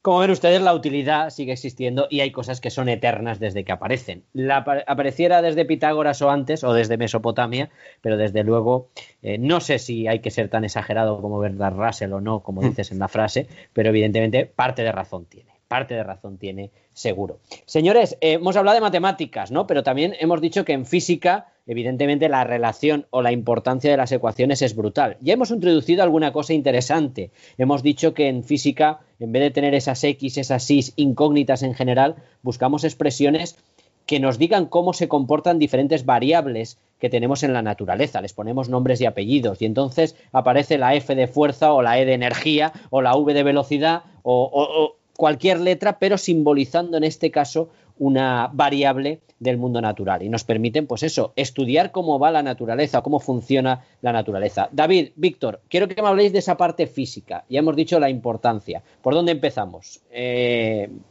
lo de la importancia está claro. Lo de la utilidad, desde que empieza sobre todo la época de Galileo, a Newton y demás, pues bueno, ya no podemos tirar, eh, ya no podemos entender la física sin esa matematización y sin esas ecuaciones, David. Sí, efectivamente. Eh, y bueno, para continuar un poco en la línea de, ecuaciones, ¿no? Y de cómo. ¿Qué tipos de ecuaciones? Sí. O, cuáles queréis comentar? ¿Por dónde vamos? Física, pues bueno, cuando estábamos preparando el, programa, yo la verdad es que está, me, pasé horas y horas pensando, ¿no? Porque claro, es un programa de ecuaciones, tenemos un tiempo limitado, no podemos estar aquí, como hemos dicho antes, hablando siete horas, aunque bueno, si queréis, eh, dejamos el reloj en marcha. No des eh, ideas. Pero, pero claro, cuando uno piensa en ecuaciones en física es que hay miles y miles de ecuaciones. Y es que llevamos siglos y siglos desarrollando y digamos, darle más peso a unas o darle más peso a otras y, por ejemplo, se podrían comentar muchísimas ecuaciones, pues un poco más modernas, como por ejemplo las ecuaciones de campo gravitatorio de Einstein o, por ejemplo, eh, la ecuación de Schrödinger, que abrió la posibilidad de estudiar eh, sistemas eh, cuánticos, o, por ejemplo, la ecuación de Dirac, que es considerada, por ejemplo, una de las ecuaciones más bellas ¿no? de la historia de la física pero yo pensando, me he elegido en particular un conjunto de ecuaciones que son las ecuaciones que se llaman de Euler-Lagrange, que son así un poco más desconocidas, pero que tienen una importancia en física que es mm, eh, brutal. Es eh, uno de los pilares de, la física moderna, ¿no? Estas ecuaciones de Euler-Lagrange. Y las he elegido además porque también tienen un componente histórico muy moderno, y es que resulta que a finales del siglo XVII, principios del siglo XVIII, había una serie de problemas que además eh, también trataron matemáticos muy famosos, como por ejemplo los, la saga de los Bernoulli, que es una saga de, matemáticos muy famosos de finales del siglo XVII y XVIII. pues había toda una serie de problemas muy bonitos en los cuales se intentaba, digamos, de alguna manera minimizar una cierta cantidad, ¿vale? Entonces, por ejemplo, uno de estos primeros problemas famosos es lo que se llamó el problema de la tautócrona, que tiene así un nombre, un... Menudo nombre, macho. La tautócrona. Entonces, este problema es un problema que, resolvió y que trató eh, Christian eh, Huygens, que fue un, un, físico bastante importante a finales del siglo XVII. Entre otras cosas, pues bueno, estudió propiedades ondulatorias de la luz, fue el que tuvo batallas campales eh, con Newton por considerar si la luz era una partícula o era una onda. Y en particular, Huygens eh, en 1659 resolvió este problema de la tautócrona, que básicamente lo que significa es encontrar cuál es la trayectoria para la cual si dejamos varios objetos caer bajo la acción de la gravedad, da igual en qué situación se encuentren que van a llegar al punto final al mismo tiempo. Entonces, invito a los oyentes a que pongan en, Google tautócrona y la solución al problema de la tautócrona, que es una curva que se llama la cicloide, porque es alucinante. Es decir, es como una especie de plano inclinado curvado que si tú dejas una bolita en el punto superior de este plano curvado o dejas una bolita ya mucho más abajo, la bolita que está arriba eh, llega al mismo tiempo que la bolita que está abajo. Es decir, es un poco de, difícil de explicar sin una imagen, pero es, es, alucinante porque uno tendería a pensar que la bolita que está más cerca del punto final llega antes que la bolita que está más alejada del punto final, pero no, en esta cicloide en particular llegan al mismo tiempo. Pues bueno, este problema de la tautócrona dio lugar a otro tipo de problemas eh, con nombres muy parecidos. Por ejemplo, el siguiente que se estudió fue el problema de, la braquistócrona, que es muy parecido al problema de la tautócrona, pero lo que tú intentas eh, hacer es, dado un objeto que está eh, cayendo bajo el efecto de la gravedad, cuál es la trayectoria que hace que el tiempo de caída sea mínimo. Es un poco ligeramente diferente al que resolvió Huygens. Este en particular lo resolvieron en 1696 eh, los hermanos Bernoulli. Y, eh, pues, por ejemplo, empezaron a plantearse otro tipo de problemas, como el problema de la catenaria, que también es, eh, seguro que lo conoceréis, es la forma que adopta un cable bajo la acción de la gravedad. Pues, por ejemplo. Eh, en las vías del tren, vamos, la típica catenaria de la luz, de los hilos de la luz o de, o de las vías del tren antiguamente, todas esas catenarias, ¿no? O los puentes, en un puente, las catenarias. Efectivamente, los puestes de la luz, los cables que cuelgan de los puestes de la luz adoptan esa forma que parece como una especie de parábola, pero que realmente no es x cuadrado, ¿eh? no es una parábola, es una catenaria. No, no, no, no es, no es x cuadrado. Me acuerdo yo de la carrera de calcular unas cuantas. ¿Querías apuntar algo, Anabel? No, simplemente poner un ejemplo muy que lo vi hace poquito y me, llamó muchísimo la atención, que la catenaria también la forman eh, las hormigas, por ejemplo, cuando intentan ir a, robar huevos a los avisperos y van caminando por el techo, ¿no? Y entonces empiezan a juntarse unas con otras para llegar hasta el avispero y luego volver por el mismo camino, forman entre ellas también esa, esa misma, esa catenaria también. Es bonito decir, está en la naturaleza en todas partes. Fíjate. Curioso, sin duda. Sí, pues bueno, como...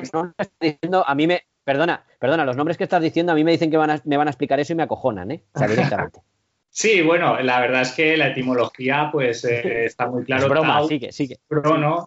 Eh, entonces, pues, bueno, todos estos problemas surgen y además eh, vienen arropados también por una serie de, otros, eh, digamos, estudios, como por ejemplo Fermat, que, estudiaba, por ejemplo, el comportamiento de la luz y se planteaba, pues, qué trayectoria sigue la luz en un medio material. Pues, bueno, llegó a una serie de principios variacionales que se llaman en la física eh, en los cuales eh, pues él determinó que la luz seguía aquel camino que minimizaba el camino óptico que recorría la luz en el medio. O, por ejemplo, un filósofo matemático y astrónomo francés de finales del siglo XVII y principios del XVIII, Maupertis, enunció un principio que se llamó del de mínima acción, según él, la naturaleza pues se comportaba de tal manera que las cosas debían de ser mínimas. Por ejemplo, los sistemas tienden a aquella situación donde la energía es mínima. Todo este tipo de problemas fueron, eh, digamos, convenciendo a los matemáticos y a los físicos de aquella época de que a lo mejor eh, existía una manera de reformular las ecuaciones de Newton, esa fuerza igual a masa por la aceleración, porque Newton, digamos, lo que hace es partir de eh, sus leyes, su primera, su primera ley de Newton, su segunda ley de Newton, su tercera ley de Newton, y en estas leyes va definiendo y va introduciendo los ingredientes de la mecánica. Pues, por ejemplo, la primera ley de Newton introduce el concepto de fuerza, la segunda ley de Newton ya relaciona la fuerza con, digamos, las aceleraciones de los objetos. Y la tercera ley de Newton introduce esa famosa ley de acción-reacción. Pero eh, son leyes, al fin y al cabo son leyes, son enunciados en los cuales se van introduciendo ingredientes. Sin embargo, esta nueva manera, estos nuevos problemas que se basaban en algo más fundamental como es que la naturaleza tiende a situaciones donde se minimizan cosas, se minimiza el tiempo de caída, se minimiza la energía, se minimiza eh, cierto tipo de, cantidades, eh, dieron que pensar sobre si las leyes de Newton no se podían reformular de una manera más fundamental en términos de un principio de mínima, de minimización de algo. Y entonces, aquí es donde entran en juego eh, Euler y Lagrange en la década de 1750, y precisamente lo que hacen ellos es construir un conjunto de ecuaciones, que son las ecuaciones que se llaman las ecuaciones de Euler-Lagrange, que lo que hacen es no partir de las leyes de Newton, sino que parten de que en la naturaleza existe algo que se puede minimizar y gracias a minimizar esta cosa que hay en la naturaleza se pueden obtener las ecuaciones del movimiento de los sistemas físicos. Es como una generalización, podríamos decir, ¿no? Un avance a lo que Newton, parece que como que Newton lo dejó ahí ya nadie tocó nada, pero en medio, hasta que mm, avanzaron y llegamos hasta Einstein, pues entre medias se hicieron muchas cosas y se hicieron generalizaciones, ¿no? Me estás eh, comentando importantes que fueron añadiendo muchas más, mucha más azúcar a ese postre que nos había dejado Newton, ¿no? Sí, de hecho, eh, lo que son las ecuaciones de, Euler-Lagrange son una reformulación de cómo Newton veía la mecánica con sus tres leyes, pero es una eh, reformulación equivalente digamos, eh, si tú coges las ecuaciones de Euler-Lagrange, eh, en ellas están contenidas también las tres leyes de Newton. Es decir, no aportan nada nuevo en el sentido en el que puede ser la relatividad especial que aportó cosas nuevas, sino que en, este contexto las ecuaciones de Euler-Lagrange son una reformulación ¿no? de la mecánica newtoniana. Lo que pasa es que son tan importantes y las he elegido porque precisamente cuando tú trabajas con mecánica newtoniana, hay veces que no puedes ver cosas de los sistemas físicos que estás tratando, como por ejemplo las simetrías de los problemas o, un tipo de cosas que no puedes ver con la mecánica newtoniana, con la formulación de Euler-Lagrange sí que la puedes ver.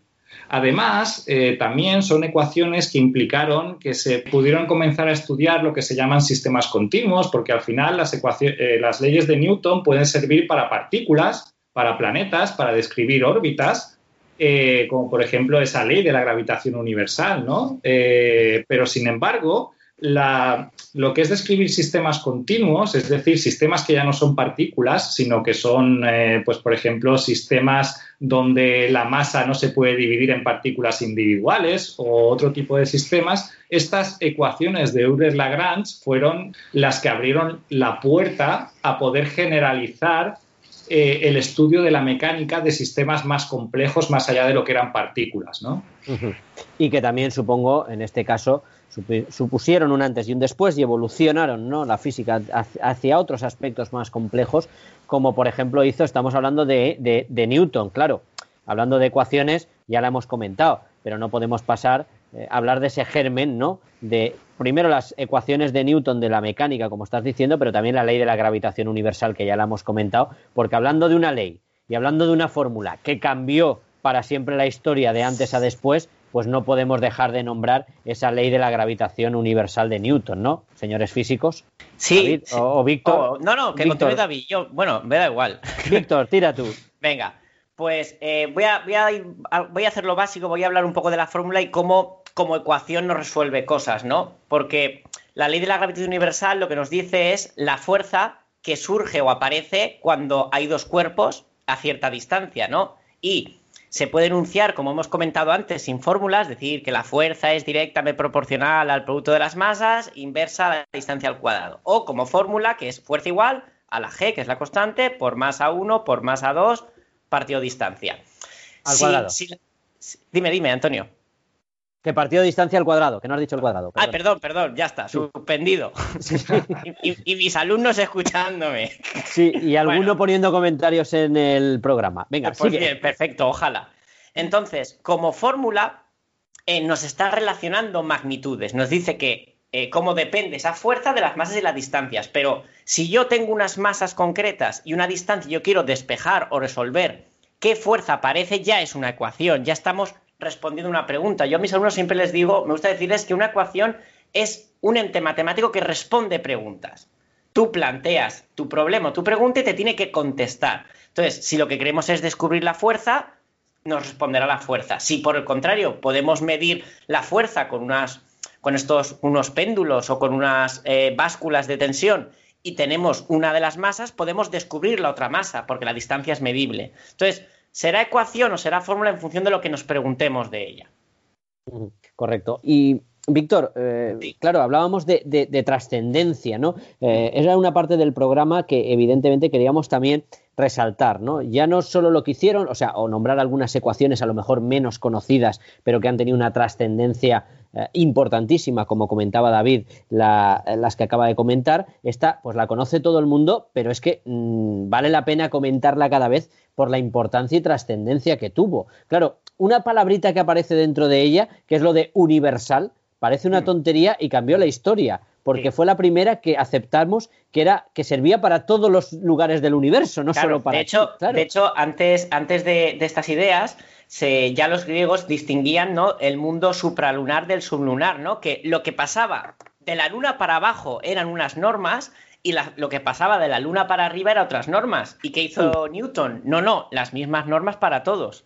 Da igual que sea la manzana que cae en la Tierra que el movimiento de los satélites, de los planetas, que funciona por la misma ley, la misma ecuación. Eso es lo importante.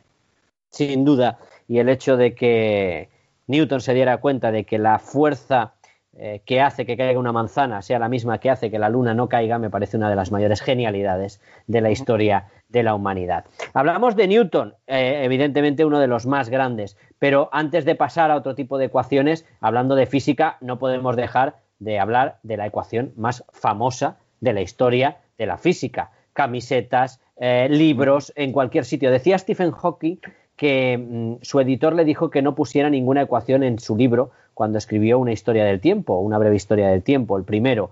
Y él dijo que solo escribiría porque decía que cada ecuación que aparecía reducía un 10% las ventas. Él dijo, vale, de acuerdo, pero hay una que voy a poner y tengo que poner, que es, como no, E igual a mc cuadrado. Yo creo que es la fórmula más conocida, evidentemente, de la física, camisetas, gorras, lo que ustedes quieran. Y, hombre, tendríamos que nombrarla. ¿Qué quiere decir en sí? Y hablamos del el genio de Einstein. Víctor. Claro, de nuevo, si la, vemos como, una fórmula, lo que nos relaciona es la energía que posee una masa. Que, ojo, vamos a matizar, esto ya lo hicisteis en el programa de relatividad, que esta fórmula que ponemos tan famosa, en realidad es la fórmula de una masa en reposo. En realidad, en relatividad, esto se complica un, poco más. Hay está el factor relativista que está dentro de esa masa, pero bueno, para lo que queremos explicar en este programa, que no es relatividad, nos quedamos con esta. Vamos a. Que me disculpen. Y además es que es muy bonita que queda muy bonita. Sí. Bueno, hay gente que, lo que hace es todo el factor ese que se que convierte lo mete dentro de la masa y dice que es la masa relativista, que a mí me parece muy elegante también. David dice que no. Bueno, yo que la liamos. en la carrera lo hacían así. Bien, o al menos en mis años. Eh, lo que nos relaciona son dos magnitudes. La velocidad de la luz al cuadrado es una constante, así que nos relaciona una masa y una energía. Ahí tenemos el concepto otra vez de fórmula porque te relaciona magnitudes. Pero si yo quiero fijar una y descubrir la otra para resolver un problema, para contestar una pregunta, es cuando se transforma en una ecuación. Por ejemplo, yo tengo un problema de partículas y tengo un acelerador y disparo partículas y golpear un detector, nosotros lo que tenemos es medidas de energía de ese golpe en un, eh, en un potencial. Y gracias a que sabemos su energía, esta fórmula, despejando la masa, nos permite saber qué partícula es. Cada, estamos aquí obviando energías cinéticas y tal, o sea, estamos simplificándolo mucho. Pero haciendo los cálculos correctos, qué masa es y podemos detectar y saber qué partículas ha formado. Así es como se descubrió el bosón de Higgs. Partículas que aparecen, medimos potenciales, que son energías, y decimos, ah, pues gracias a la relatividad nos transforma y nos traduce en qué es esta masa. Porque nosotros no tenemos una forma de medir masas, no tenemos eh, básculas para medir partículas, medimos energías. Y esta ecuación tan famosa nos permite esa equivalencia ese equilibrio entre unas y otras. Equilibrio, que es donde viene la palabra ecuación, equilibrar. Nos equilibra la masa y la energía. Y es curioso. Víctor, es que es curioso, y es evidentemente lo hemos comentado muchas veces, pero la trascendencia va mucho más allá de una simple ecuación. La trascendencia mm. va en lo que estás comentando. O sea, en darse cuenta y en llegar a la conclusión y matematizar esa idea de que masa y energía son dos manifestaciones de lo mismo. Pero ojo, Antonio, eh, si lo piensas, a ver, es la idea revolucionaria porque esto conlleva más de lo que voy a decir ahora.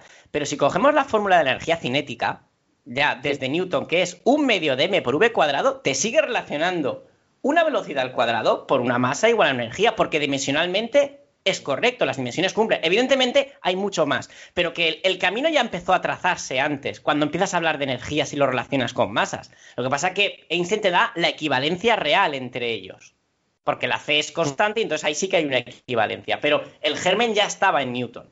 Sí, correcto.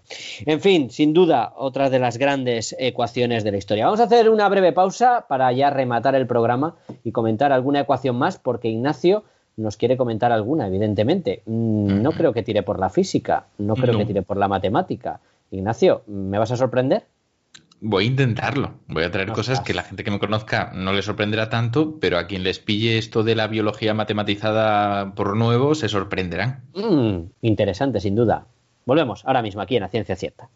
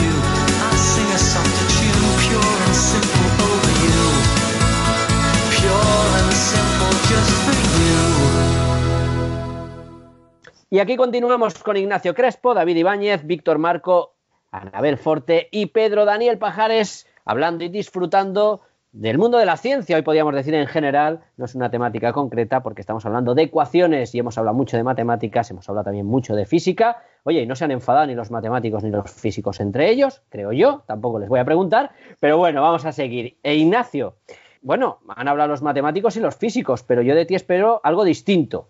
Sorpréndenos, ¿de qué puedes hablar tú? ¿De ecuaciones, modelos? ¿De qué quieres hablarnos? Venga. Yo os voy a hablar de modelos, pero porque al final tenemos que recordar eso que decía precisamente, no recuerdo quién lo dijo exactamente, creo que fue Víctor antes, respecto a que la física antes de relacionarse con la matemática, en cierto modo era como protociencia. Yo comenté que no exactamente así, y uno de los motivos es que la biología es una ciencia que durante mucho tiempo no ha estado matematizada y no por ello es menos ciencia. La psicología ocurre lo mismo. Hay ramas que no son psicología cuantitativa que no están matematizadas. Y, por lo tanto, de esto deducimos que en un momento dado las matemáticas entraron en ellas, y de muchas maneras distintas. Algunas fueron de forma análoga como ocurrió en los primeros momentos de la física, intentando parametrizar cosas y encontrar las relaciones que habría entre determinados fenómenos, entre determinados hechos. Esto que nos ayuda a hacer más objetivo nuestro estudio, a prever cosas, y sobre todo hacer representaciones de la realidad, aunque sea en formato de números, que eso es una maravilla. Cuando hablamos de biología solemos entender, pues mirar a los animalitos en el campo, eh, mirar a las plantas y si eso, si, si sabemos un poco más, pues igual eh, relaciones ecológicas, fisiología de un órgano, pero hay mucho más porque todo esto que observamos, como digo, podemos matematizarlo. Y de uno de los ejemplos clásicos, uno de los primeros que puede ayudarnos a entenderlo, es el de Lotka-Volterra. Este modelo, que de hecho luego se ha utilizado para muchas otras cosas, es un intento de llevar las matemáticas a las relaciones ecológicas entre distintas especies, en concreto de depredador y presa. Esta empezó a fraguarse en 1910 con una propuesta, aunque tardó unos pocos años todavía en quedar totalmente definida ya como las fórmulas realmente, las ecuaciones que conocemos ahora. Porque realmente son dos. Una para descubrir cómo va evolucionando el número de depredadores en un ambiente y otra para ver cómo va evolucionando el de presas en función de este. La clave aquí es que estás intentando relacionar los parámetros no solamente diciendo, oye, pues cuando hay más presas cabe la posibilidad de que haya más depredadores que sobrevivan porque se alimenten de ellos, porque tienen comida. No, es que dices la relación exacta. Dices cómo afecta que aumente la depredación al número de individuos. Y con un modelo que es realmente muy sencillo, de hecho yo lo tengo aquí programado delante, que lo estaba programando mientras esperábamos para grabar, puedes hacer una previsión bastante aproximada. Estamos diciendo que con un par de números y una, ecuación muy facilita se ha conseguido predecir con bastante proximidad cómo han ido fluctuando, por ejemplo, las poblaciones de eh, liebres y de linces o de alces y de lobos, que son al final las comparaciones típicas que se hacen porque son tradicionalmente las mejores predicciones que se han hecho en Estados Unidos al respecto. Y, es eso, es que es una maravilla. Ves que empieza a aumentar, por ejemplo, en la gráfica, porque al final lo representas el número de, de presas, el número de conejos o de liebres o de lo que sea, y entonces como en principio asumes que tienen suficiente alimento para crecer todo lo que les plazca, lo único que va a cortar eso, lo único que va a estar ahí restando en este caso en la ecuación es los predadores. Los predadores que en principio sabes que eh, van a depredar en función del número de ellos que haya una cantidad concreta de conejos o de lo que sea. Con eso sabes en principio cómo va subiendo, cómo va bajando. Y a la vez tienes la otra ecuación, la complementaria, en la cual se define el número de predadores en función de cuántos conejos o presas en general tengan para depredar. Relacionando las dos, acabas consiguiendo una relación que es sorprendentemente precisa. Es curioso porque aquí ya vamos un paso más allá no estamos hablando de un fenómeno físico en el cual yo puedo ver esa regularidad y directamente sacar una ecuación. No, estamos intentando modelizar, ver cómo se comporta en general algo mucho más difícil. No es un modelo sencillo. Y aquí la primera pregunta que me haría es que funcione tan bien cuando hay tantas variables de las cuales pueda depender esa evolución de unos y otros, llama la atención, ¿no? Sí, realmente ahí hay un ajuste. Porque no es, claro, cuando hablamos de cómo afecta el número de predadores al número de presas, ahí estamos metiendo un parámetro que vamos a ajustar nosotros para que encaje. Pero las relaciones entre estos números sí que están más o menos fijas. Sabes que cuanto más depredadores haya, menos presas va a haber a largo plazo, en, manteniendo el resto de condiciones, con lo que ahí lo tienes restando en la ecuación y queda más o menos claro. Esta es la maravilla, que de repente puedes utilizar toda esa formulación matemática esa nomenclatura que durante tanto tiempo se ha ido refinando para expresar de forma mucho más objetiva este tipo de relaciones y para hacer previsiones, porque gracias a modelos que han sido herederos de Lotka Volterra, ahora tenemos la capacidad de saber cómo impacta en el medio ambiente muchas de nuestras actuaciones. Cuando hablamos de predador y presa, no nos limitamos al concepto clásico de predador y presa, vale también para ovejas y hierba las cosas como son. Hierba es un poco difícil de cuantificar, pero digamos matas de plantas. Y ahí no es un predador la oveja, pero se alimenta de la misma. Al final hablamos de individuos que pueden multiplicarse y cuya, cuyo éxito está relacionado de alguna forma. Que yo dependo de ti, tú dependes de mí de forma directa. Y supongo que esto hoy en día eh, más allá de esas primeras ecuaciones o primeros modelos que, me has comentado, han evolucionado para que podamos usarlos de diferentes mm. formas. Pero esto tiene una utilidad a lo mejor importante a nivel de planificación de algún tipo de ecosistemas y demás, ¿no? De controlar ecosistemas y ver cómo van a evolucionar y de economía. Al final estamos ah, diciendo que son modelos muy generales, no podemos pretender hacer un modelo absolutamente fidedigno de la realidad con cuatro datos, porque eso no, no es realista si estamos hablando de poblaciones completas de individuos, pero podemos aproximarnos lo suficiente a una abstracción del mismo como para hacer estas predicciones y descubrir que resulta que es aplicable a otras cosas. Yo recuerdo tener a uno de los profesores del máster que hacía modelos precisamente y hizo un modelo sobre la forma en la que las neuronas se activan, que ahora hablaremos de eso. Pero es que resulta que ese mismo modelo le permitía predecir cómo se relacionaban los trolls en las redes sociales y cómo iban creciendo y respondiendo a los comentarios. Al final son abstracciones muy, muy bestias que mientras no te pases de abstracto, mientras demuestres que tiene una capacidad predictiva y que es en cierto modo sensible, ahí puedes sacar cosas muy interesantes. Claro. Estaba pensando en dos cosas. Por un lado, bueno, la broma o la gracia de turno de decir que, claro, es que en economía hay mucho depredador y mucha presa, evidentemente.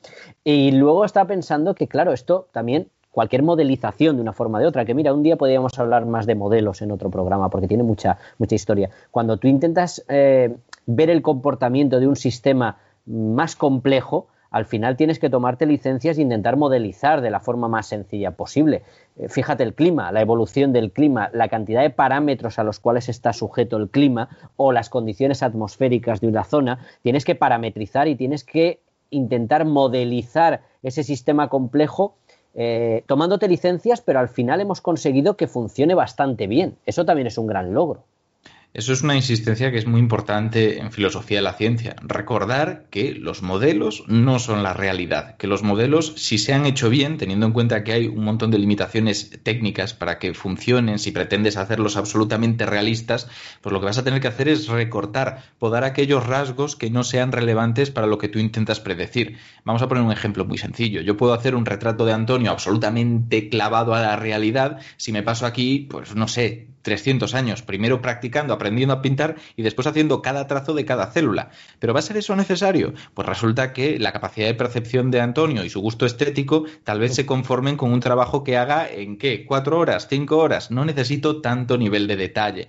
Es más, si el propósito fuera solo que Antonio se reconociera, tal vez con una caricatura, que todos sabemos que no es la realidad, consiguiéramos apañarlo en cuestión de cinco minutos. Y esos son los modelos. Te entiendo perfectamente y estoy de acuerdo. Claro, estaba pensando en hacer la caricatura o en intentar predecir qué tiempo va a hacer mañana y tardar 10 días en hacer los cálculos. claro. Eso, Sería algo parecido, no tiene sentido. Pero es importante saber que al final estás modelizando y que la previsión o predicción no va a ser 100% fiable. Claro, mm. eso es importante también. Hay, sí, y hay que entender otra cosa. Eso ahora daremos paso porque nos lo va a comentar yo creo Anabel, sobre todo con los errores. Pero aquí hay una cosa que, has dicho que es importante y que posiblemente algún matemático esté diciendo, pero que los modelos no solo predicen, ya lo sabemos. El modelo se puede utilizar para comprobar los resultados empíricos que tú has obtenido en una investigación o simplemente para explorar nuevas posibilidades. Pero en cierto modo ahí está habiendo un, un proceso predictivo, de forma mucho más genérica, no, no en términos absolutamente matemáticos y rigurosos, pero popularmente se puede referir así.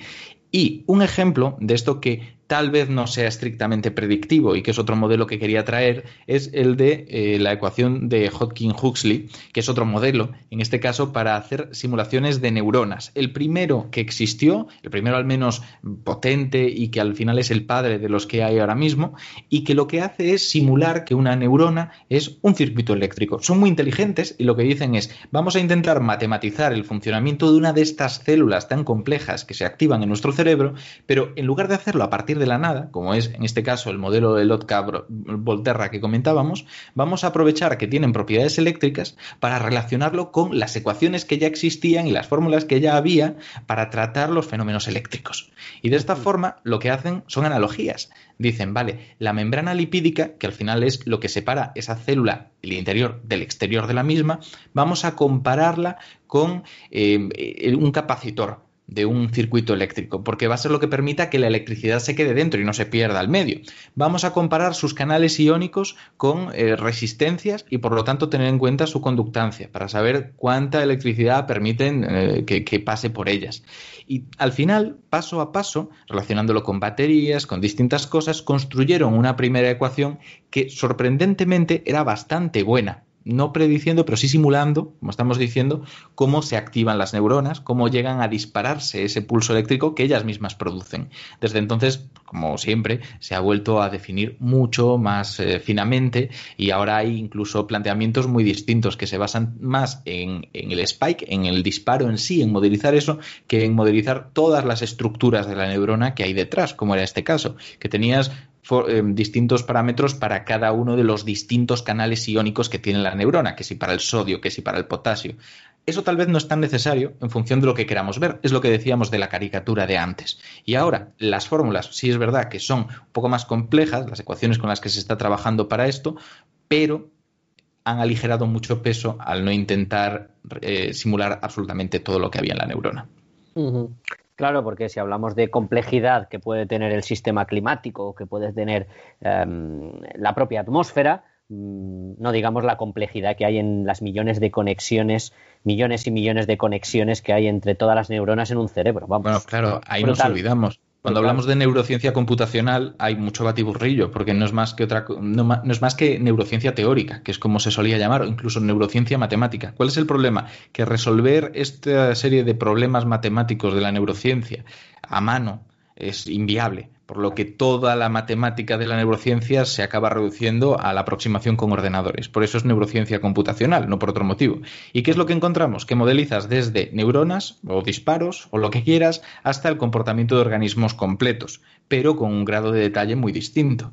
Las aproximaciones son absolutamente diferentes. Entonces, cuando hablamos de lo que estabas diciendo tú, de conexiones entre muchas neuronas, ya no hacemos estas simulaciones, porque no hay ordenador normal que resista más de unos cuantos miles de neuronas de estas características, a no ser que nos vayamos a proyectos como Blue Brain y compañía, que simulan eh, columnas corticales de ratas donde hay un montonazo de neuronas conectándose con casi todas ellas entre sí. Lo que hacemos son simplificaciones aún mayores. A veces tirar de redes neuronales naturales, que se llaman, que no son las que se utilizan en inteligencia artificial, sino algunas que, digamos, lastramos para que se comporten de una forma menos óptima y recuerden más a cómo se comportan las neuronas de nuestro cerebro. Esto me recuerda a los problemas que existían cuando intentábamos estudiar el comportamiento de los átomos por separado y había que estudiar un poco en plan estadístico el conjunto de ellos, ¿no? ¿Querías apuntar algo brevemente, David? Sí, muy breve. Eh, y efectivamente todo esto que estáis comentando da lugar eh, a reflexiones muy profundas que son acerca de la complejidad, porque muchas veces, claro, en los modelos como simplificamos las cosas, nunca estamos seguros de lo que hemos simplificado o le hemos quitado al sistema lo ha convertido en otra cosa completamente diferente. Es decir, eh, cuando hacemos estas simplificaciones, pues por ejemplo, a lo mejor una gota, una gota de lluvia no se comporta como un montón de gotas de lluvia.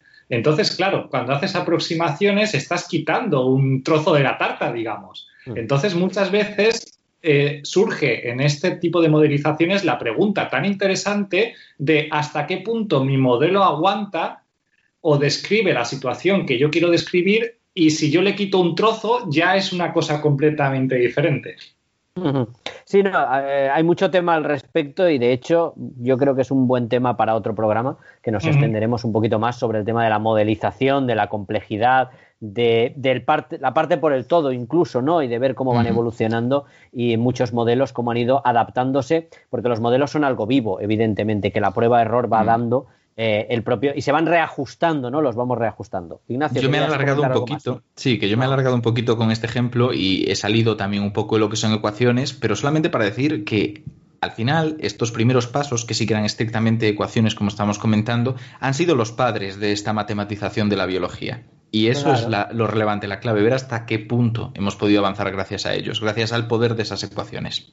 Claro, no, no, no, es que me parece fantástico porque mm, hay ecuaciones detrás del teorema de Pitágoras, hay una ecuación mucho más sencilla de los modelos que estamos hablando, que muchos de ellos son derivadas, eh, o sea, ecuaciones diferenciales y demás, y mucho más complejas, matemáticamente complejas, pero el germen está en lo mismo. Empezamos desde el mismo punto y vemos cómo la evolución, hoy en día seguimos utilizando el teorema de Pitágoras para algunas cosas, pero hemos evolucionado esas matemáticas y ese conocimiento físico, biológico, matemático para que nos permita intentar modelizar en sí el comportamiento, en este caso, por ejemplo, de neuronas o el comportamiento de depredadores y de presas. Eh, bueno, si querías comentar algo más o damos paso a, Anabel.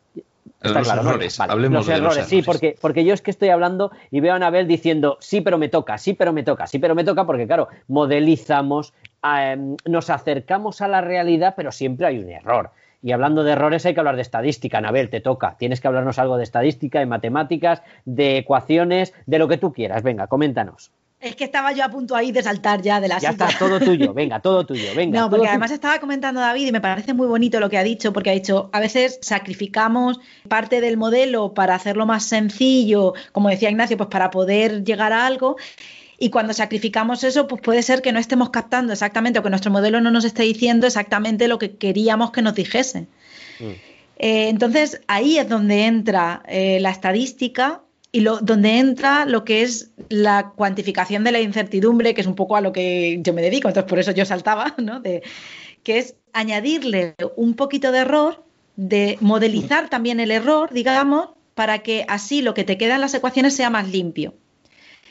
Y quería hacer una puntualización, que es lo que estabais comentando ahora al final, que cuando en todos estos modelos tan complejos hablamos de ecuaciones, es bonito porque cerramos un poco lo que, como hemos empezado al principio, llegamos a un tipo de ecuaciones donde la incógnita ya no es una X, ya no es una masa, ya no es una cantidad eh, que tengamos muy clara en la cabeza, sino que la, la incógnita que tenemos es una función que nos ayuda a entender cómo algo evoluciona en el tiempo.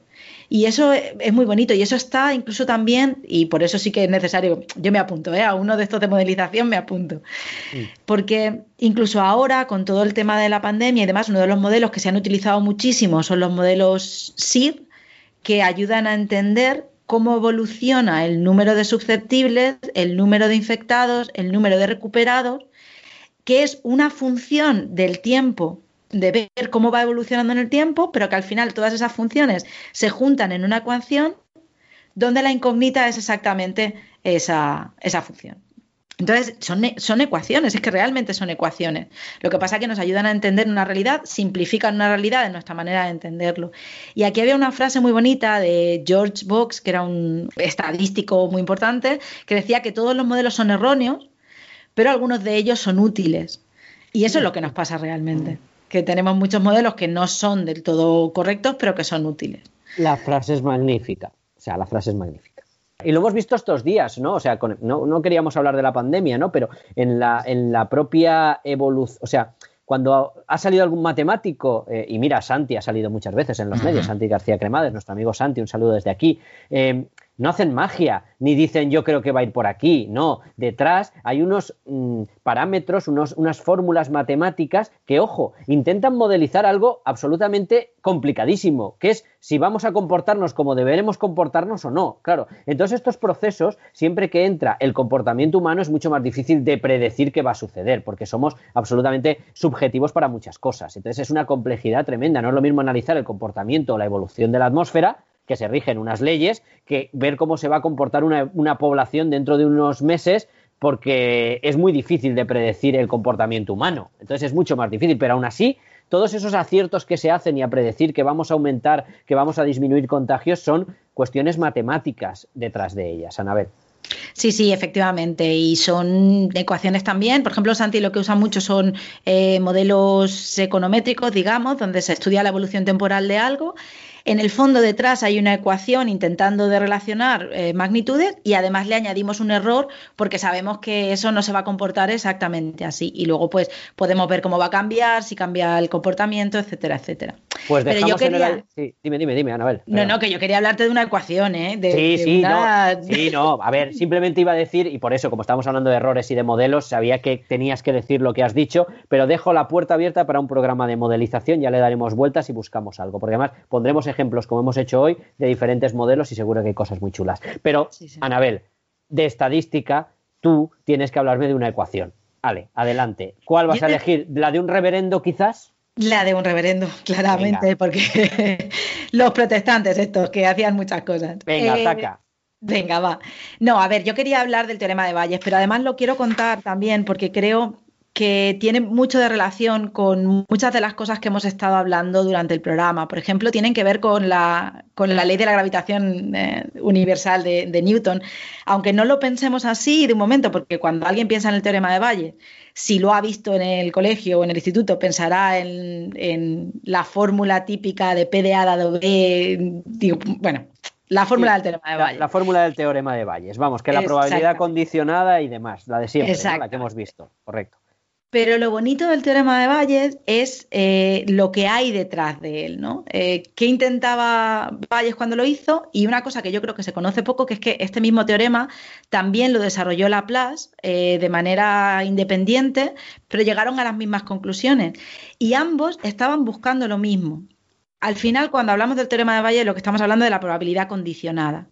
Y la probabilidad condicionada quiere decir que nosotros queremos saber cuál es la probabilidad de la causa, de lo que ha causado algo, ¿vale? A partir de los datos que observamos. O sea, condicionado a los datos que observamos, ¿cuál es la probabilidad de que lo que lo ha causado sea, no sé, por ejemplo, la, ley de la gravitación?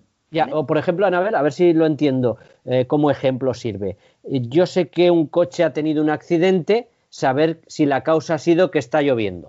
O sea, ir hacia atrás. Ir hacia atrás, eso es. Correcto. De hecho, el, ejemplo, el, ejercicio que hizo Valles, que me parece muy bonito para entenderlo, era él se situaba de espaldas a una mesa de billar, ¿vale? Mm. Eh, había una, una, bola en la mesa de billar y él lanzaba otra bola. Y había alguien observando. Entonces, Valles iba haciendo preguntas y le decía, eh, ¿mi bola ha caído a la derecha de la bola que había en la mesa? Y el otro le contestaba sí o no. ¿Mi bola ha caído arriba de, la que estaba en la mesa, sí o no. Y a partir de esos sí o no, solamente con esos sí o no, él era capaz de interpretar la probabilidad de que su bola estuviera en una posición determinada de la mesa. Entonces, esa es eh, un poco la idea que, tenía él detrás. Y al final lo que buscaban tanto Laplace en su momento como Bayer era, pues eso, encontrar la probabilidad de la causa a partir de datos a partir de lo que observaban. Lo bueno de esto es que se llegó a una fórmula, claro, se mm. matematizó, lo cual nos permite pues calcular esa probabilidad condicionada, algo que hoy en día se sigue utilizando el teorema de Bayes y la fórmula de Bayes para mil cosas, ¿no? Para, bueno, prácticamente para un montón de cosas que utilizamos en nuestra vida cotidiana y más ahora mismo, que yo sé que no queremos hablar mucho de pandemia, pero toda la parte de falsos positivos, de la probabilidad de que tengas tal, todo eso se desarrolla a partir del teorema de Bayes, o sea que es una fórmula que se utiliza muchísimo. Vale, también las compañías de seguro, porque eso que he dicho yo de que el coche tenga un accidente, sabemos la probabilidad de que la tenga si llueve, por ejemplo, o si hay nieve o si hay hielo, en caso de tener el accidente, ¿qué probabilidad hay de que sea debida a ese ir hacia atrás? También lo utilizan, creo, ¿no? Las compañías de seguro. ¿no? Sí, efectivamente. Y luego también en, los juicios, digamos. Anda. Tú, claro, pues se utiliza además, hay determinados sistemas judiciales donde se utilizan mucho, se llaman a, peritos estadísticos para, para utilizar ese teorema de Valle. Porque al final, claro, tú, tienes, tú tienes la observación de la prueba, pero, ¿qué probabilidad hay, dadas esas pruebas, cuál es la probabilidad de que realmente la persona sea culpable? O sea, me estás diciendo que las matemáticas, o en este caso, eh, Valles, pueden hacer que alguien acabe en la cárcel o no. Eh, sí. Muy Ah, bien. Así es. De hecho, tenemos un, un caso bastante cercano, en un caso de, de violación, eh, ahí ahora mismo no recuerdo el, el nombre, pero se acabó culpabilizando a, a la persona y enviándola a la cárcel a partir de la fórmula de Valles, porque se demostró que el móvil había sido sexual y había sido intencionado. Supongo que este hombre odia a Valles desde ese momento. Eh, Vi- Víctor, ibas a apuntar algo. Sí, yo voy a defender el teorema de Valles como Ana y voy a decir que es tan importante que en segundo de bachillerato siempre, siempre, siempre en todas las pruebas PAU sale una pregunta. Siempre. Que mis alumnos me estén oyendo. Y además, además estoy es el apartado, el apartado C siempre. Sí, y Eh, estoy, sí, siem- correcto, el apartado C, porque es preguntar, siempre te preguntan al revés. Y estoy seguro que este año lo, lo más probable será es que vaya sobre falsos positivos de vacunas. Además, si es siempre la misma pregunta. Siempre, es la Siempre misma pregunta. pregunta. Entonces yo voy a prepararles esos a muerte. Sí, tiene pinta. Además, se usa para eso mucho, el típico problema de los falsos positivos y falsos negativos. Ah, Anabel, algo para terminar de Valles. Ya sé que estarías hablando horas de Valles, pero algo que podríamos rematar de ese teorema o de esa fórmula, yo creo que ya lo hemos comentado todo, ¿no? Que se sigue Sí, utilizando sí. hoy en día, que hay hasta camisetas también con el teorema de Valles. Que hay Y gente que luces de neón, luces de neón Sí. también. Hay quien lo utiliza hasta de nick en Twitter también, incluso. Ana ser, Valles, incluso. Y que nos sirve para utilidades prácticas, como estamos viendo, lo que inventó o que lo, lo que dedujo matemáticamente y con una fórmula un reverendo tirando bolas de billar. Lo que es la vida y lo que es la curiosidad. Bueno, señores, vamos a ir terminando. Queda poco tiempo, ya nos hemos alargado bastante, hemos dado un repaso, creo, bastante importante o bastante curioso y bastante mezclado también, diría yo. Hemos tratado matemáticas, hemos tratado biología, hemos tratado física, evidentemente. Podríamos haber tratado química, porque hay muchas fórmulas de química, la ley de los gases perfectos, por ejemplo. O no. O- O podíamos ahorrarnos la química. Ignacio, eh, vale. Eh, No nos hemos peleado los matemáticos y los físicos y os vais a pelear vosotros ahora. Sí, además yo lo hago solamente para que haya polémica, porque ¿qué Sí, hay? O pero- sea, pero- soy pero médico, soy menos científico que un químico. Pero el día que te traigo con los químicos, que tú antes venías siempre, no lo decías Claro. esas cosas. Bueno, decía otras cosas. Decías Tengo una escala. Tú lo Claro. único, lo de los franceses sí, pero lo demás vas cambiando, depende Claro, de claro, claro, porque es solamente la polémica. Ya lo sé, hombre. Hombre, mira, ahora que nuestro amigo eh, Alberto Aparici, por cierto, escribe de química a veces en La Razón, por cierto, lo digo porque he leído hoy un artículo de los puentes de hidrógeno muy bueno. Eh, ¿Ves cómo al final todo el mundo viene hacia el lado oscuro? Bueno, claro, pero porque que- a él a veces le gusta hacer artículos fáciles. Pues mira, lo voy a Entonces va a un- disciplinas sencillas, Uy, la leche. Bueno, cambiemos de tema. Tú de medicina no hablas ya, ¿verdad? poco, poco. Poco. Me gusta Oye, en aprender de cosas Oye, nuevas. como curiosidad, Ignacio, ¿en medicina también se utiliza alguna fórmula así curiosa o alguna fórmula Claro, así? para, por ejemplo, calcular el filtrado glomerular o la capacidad vital forzada, son distintos parámetros. En el primer caso, de la excreción de determinados compuestos a través de los riñones, en el segundo, de la capacidad de los pulmones, y necesitas ecuaciones al final, necesitas ahí tirar de matemáticas. Lo que pasa es que son fórmulas muy ad hoc, muy para lo que buscas y punto. Ahí ya no, no pretendes estar definiendo nada más allá de calcular esto y diagnosticar y tratar de esta forma. Punto. Perfecto, Pedro. Es que al fin y al cabo es- fácil encontrarte las matemáticas tanto en química como en física como en medicina, porque si, ne- si tienes una pregunta y necesitas la respuesta, probablemente te- tengas que recurrir a las matemáticas para ellas, quizás en forma de ecuación o quizás en forma de predicción. Pero por un lado o por otro vas a tener que pasar por ahí, quieras o no. Y aplicar la fórmula y despejar bien. Como no despejes bien. Por cierto, hablando de despejar bien, no me quiero meter en un follón. Ya lo trataremos. Prometemos que hablaremos un día, que además os lo he prometido a los matemáticos, sobre si se enseñan bien Muchas o no las cosas nos prometes, ¿eh? Un programa mucho- con los no, matemáticos te sale caro. pero- Va a haber un, yo- pro- yo- un programa solo de promesas. No, lo voy a cumplir. Jo, mira que sois malos, pero sí he hecho todos prácticamente. Pero vamos a ver, vosotros habéis visto, pensad que lleva 200 programas con esto. ¿Habéis visto cuántos programas ha prometido por programa cumplido? Oye, a mí me Ojo, prometió eh. uno de. A mí me prometió de matemáticas y música y lo cumplió, ¿eh? Y es uno de los que más me han gustado. ¿Y cuántos no te ha cumplido? Uy, que yo creo que aquí Antonio tiene apalabrado No, para no. otros Mira, 800 me pro- programas. pro- Yo a todos os digo que sí, yo a todos os digo que sí, es una táctica, estáis contentos. Yo todos, si quieres te digo ahora los que le has prometido a Fernando Cervera. Ah, ostras, sí. Otro día los que- comentamos. Pero es que Fernando hace tiempo que no viene. Un saludo desde aquí, Fernando, y a ver si vuelve. A... Es que iba muy liado, iba muy liado, pero cuando vuelva. De todas formas, eh, Poler 2, no me dijisteis Hombre. vosotros Poler 2, yo os prometí que lo hice y lo hice. ¿Cuánto lo te hice. perseguí? Que escuchen ese programa, a ver cómo empieza. Es muy chulo. Es muy bueno. es muy chulo ese bueno. programa. Bueno, es que, a ver, hay 200, so- hay muchos temas por tratar muy interesantes y yo voy seleccionando de vez en cuando. De todas formas, mira, los oyentes también, no vaya a hacer como Ignacio que para Noosfera, por cierto, nunca nombramos Noosfera y aquí entre amigos hay que nombrarlo. Hay que oír el eh, podcast que presenta Ignacio Crespo, Noosfera. ¿Es con una O o con dos, Ignacio? Con dos O's. Con dos dos Os. Que. O's, que no nos corrija nadie. Exacto. Aquí no, exacto, que yo cada vez decía iVoox con dos O's, decía dos O's y me, me perseguía. Bueno, de- independientemente de eso hay que, hay que escucharlo, que aquí todos, todos, somos, todos somos amigos. No sé lo que iba a decir, se me ha ido la pinza, da igual, avanzo. Em, quería comentaros, ah sí, lo de los programas, que al final no voy a preguntar a los oyentes, pero de vez en cuando nos mandan sugerencias muy chulas. Yo las apunto también y ya han oído que los eh, contertulios dicen que tardo en cumplir, pero al final voy cumpliendo, poco a poco. Ahora Si falta yo solo digo por picarte, Antonio. Si Ya al lo final sé. cumples y Hombre. bastantes programas has hecho ya. Hombre, son 200 con este amigo, Claro. o sea que hemos hecho unos cuantos. Y voy detrás de ti, de hecho, no me hagas hablar porque voy No, detrás ya. de ti para Sí, algún ya. programa. Ya lo Así sé. ya. que no, no me hagas hablar. Vale, bueno, a ver, quería deciros, eh, no, de enseñanza de las matemáticas, no, se enseñan ecuaciones en matemáticas, evidentemente. Pero, mm, Víctor, ¿me meto en un lío si te pregunto si se enseñan bien? Eh, no, yo opino que se enseñan mal. Muy bien. No ¿Puedes matizarlo brevemente No, o no lo guardamos Sí, otro día? sí. Y eh, yo, eh, como mis compañeros, porque lo hemos hablado, Anabel y Pedro, profesores también, que eh, hablamos esa frase, yo mismo la he usado, lo reconozco, así lo de pasa restando, ¿no? X más 1 igual a 2, el 1 pasa restando. Sí, Los números lo no- que estás no pueden sumando pasa moverse. restando. Claro, no o lo que está restando pasa sumando o pasa dividiendo, los números no se mueven.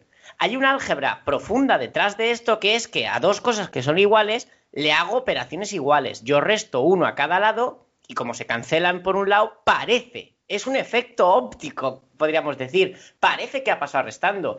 Yo, cuando tengo primero de la ESO, lo intento hacer así, para cogérmelos cada año, poco a poco, e ir trabajándolo. Pero cuando llegas a un instituto nuevo y te encuentras ya un cuarto de la ESO, un primer bachillerato, que ya, ya les han destrozado la mente con el paso restando, lo intentas cambiar y te dicen, "Mm, profe, no, no, yo a mí no me mares.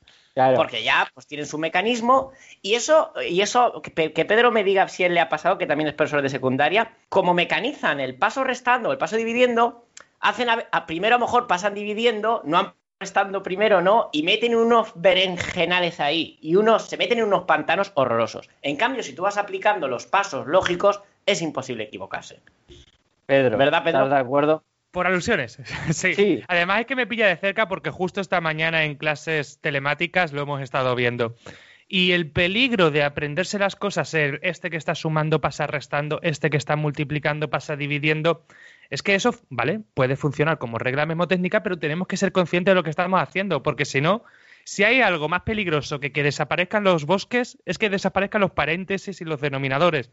Porque ahí tenemos que tener cuidado de esto pasa restando y de repente uno partido a dos a un lado y x partido al otro, ese 2 desaparece, no sabemos muy bien por qué, este paréntesis desaparece, no sabemos muy bien por qué. Entonces, ya no es solamente el riesgo de que estamos moviendo cosas sin saber muy bien qué hacemos, porque ¿qué razón hay en el este menos pasa con más? Eso no es ninguna ley matemática, ¿verdad? En cambio, si tengo una balanza y quito una pesa de cada sitio, todo el mundo ve que la balanza sigue igual de equilibrada que estaba al principio. Pero eso de pasar de uno corriendo al otro, vale, podemos hacerlo, pero no es lo correcto. Y eso lleva asociado una serie de errores a la hora de despejar, pues que muchas veces los hacemos y lo peor de todo no es que los hagamos, es que no nos damos cuenta de lo que estamos haciendo ni cuando lo hemos hecho bien ni cuando lo hemos hecho mal. Pues Víctor remata, que no sí, nos vamos a no, enredar que, más que- esto. pero aparte de que, el, como dice Pedro, es un truco que te puede valer, es que va a llegar un momento en que va a dejar de ser cierto cuando trabajas con matrices. Ecuaciones matriciales no puedes pasar dividiendo una matriz porque no es un número, es una caja con números. Y tienes que trabajar el álgebra profunda verdadera, que es aplicar lo mismo a cada lado, multiplicar por la inversa o lo que sea. O sea, que es que al Mm. final es que no es cierto lo que estás haciendo. Es falso. Lo que pasa que es una, una operación falsa que el 90% de las veces funciona para lo que estás trabajando. Entonces se toma ya como dogma y no es verdad. Es que lo que Vale, vemos Pedro, secundaria, esas operaciones que vemos realmente no son matemáticas, es una pequeña parte de las matemáticas que hemos cogido para trabajar en clase. Pero eso de ponerle a un alumno una ecuación de tercer, de tercer grado y sacarle todas las soluciones por Ruffini no suele funcionar en la vida real. Lo que pasa es que nosotros, con lo que trabajamos, está preparado para que funcione. Y muchas veces salimos con la, con la falsa sensación de que esto siempre va bien, cuando no es así. Eso, Antonio. Y Ruffini, y Ruffini queden exactas, que como no de exactas te Correcto. loco, claro. En un problema de enseñanza se pueden hablar de muchas cosas. Yo soy un defensor de explicar el porqué de la jerarquía de operaciones, que mucha gente dice primero se multiplica antes que sumar. Y yo siempre pregunto, ¿y por qué? Eso nos enseña y es Lo muy entregó Moisés en unas tablas. Correcto. bueno, bueno, ya está, ya está, ya está. Os dejo. Aquí, o sea, que os he prometido que voy a hacer más programas. Que no os he dicho que empezamos ya el programa. O sea, yo he preguntado para que me contestarais sí o no y me soltáis ya medio programa por si acaso no lo hago, ¿eh? es que ya me se, ve que les pica, se ve que les pica que hay gente que se dedica a explicar matemáticas sin, sin decir cómo funcionan las cosas, todo de memorieta. Qué locura, ¿verdad, Ignacio? Qué locura. ¿verdad? Y, de Una una asignatura que significa, literalmente, como hemos dicho antes, lo que se puede entender, no lo que se puede memorizar de memoria para vomitarlo en un examen. Creo que matemáticas. Creo que queda claro que no estáis muy de acuerdo con cómo se explican en ciertos aspectos las matemáticas. Creo ya hablaremos, ya. Hablaremos de eso porque, ojo, sois profesores.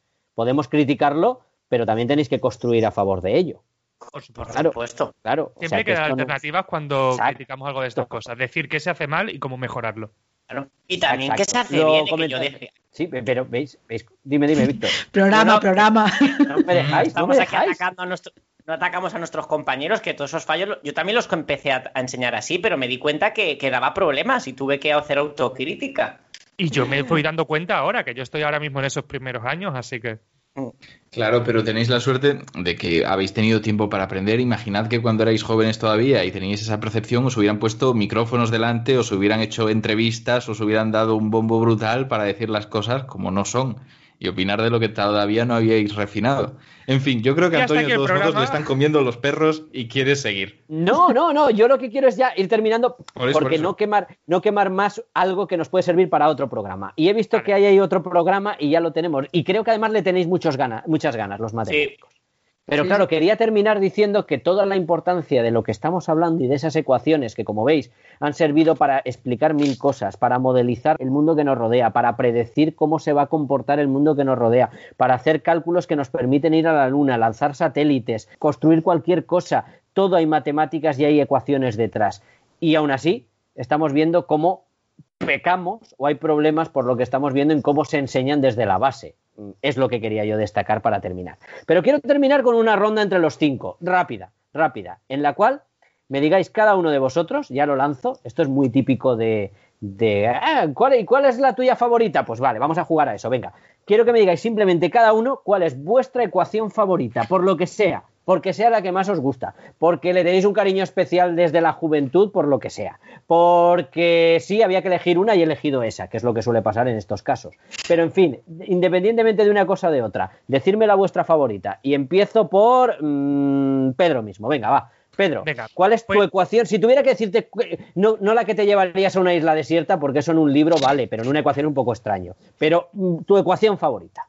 Bueno, si es para una isla desierta, yo la de los cultivos que hemos visto al principio, ¿eh? Pero mi ecuación favorita, si tuviéramos que dejarlo así, yo diría que es la característica de Euler o Euler, depende de cómo lo pronunciemos, ¿verdad? Si lo pronunciamos bien o mal. Bien, también se conoce como la fórmula de Euler para los poliedros convexos. Y básicamente me dice que en cualquier poliedro, el número de caras más el número de vértices menos el número de aristas es siempre igual a 2.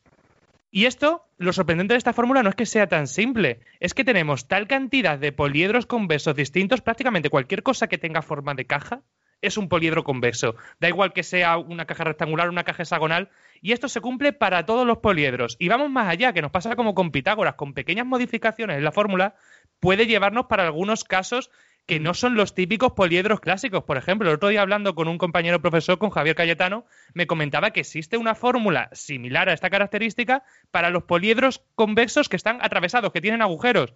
Y es el número de caras más el número de vértices menos el número de aristas es igual a 2 menos dos veces el número de agujeros.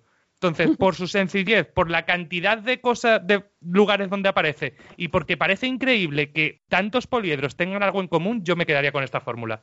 Fantástico. Hablando de Euler, o Euler, no sé cómo se pronunciará, pero bueno, ya me has chafado. Yo siempre he dicho Euler, ¿vale? Pero bueno, como se Yo siempre he dicho Euler y digo Euler y me han corregido más de una vez, pero también me han corregido cuando he dicho Euler, así que tampoco lo tengo claro. Sí, eso, es como Einstein. Einstein no, es Einstein.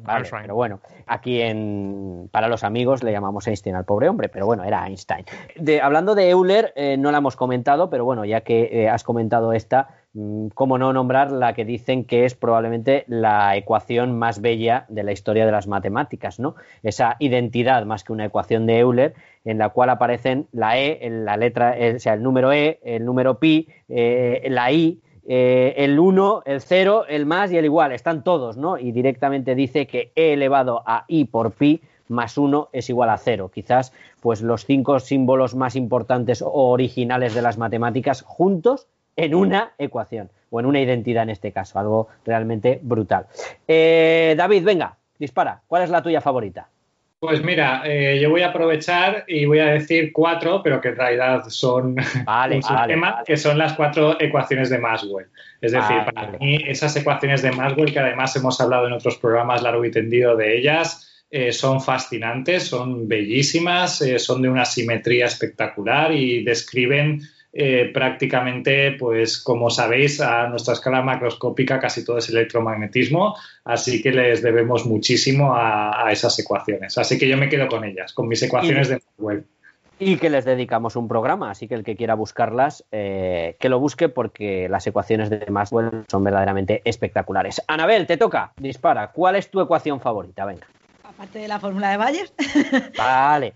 Es que claro, ya lo has gastado, pero bueno, si es la de Valles, di la de Valles, pero lo que tú quieras. No, no, no, que va, que va. Eh, me gusta mucho, eh, está relacionada con lo que habéis dicho, con, Euler también, o con Euler, eh, que tiene, es el origen del número imaginario, que es esa ecuación x cuadrado más 1 igual a 0. Ah, anda, claro. Porque si tú tienes x cuadrado igual a menos 1 y es como esto no se puede resolver, y de hecho si estamos en el instituto seguramente nos dirán esto no se puede resolver, pero es el origen de los números complejos y es el que nos da ese número imaginario y me parece muy bonito.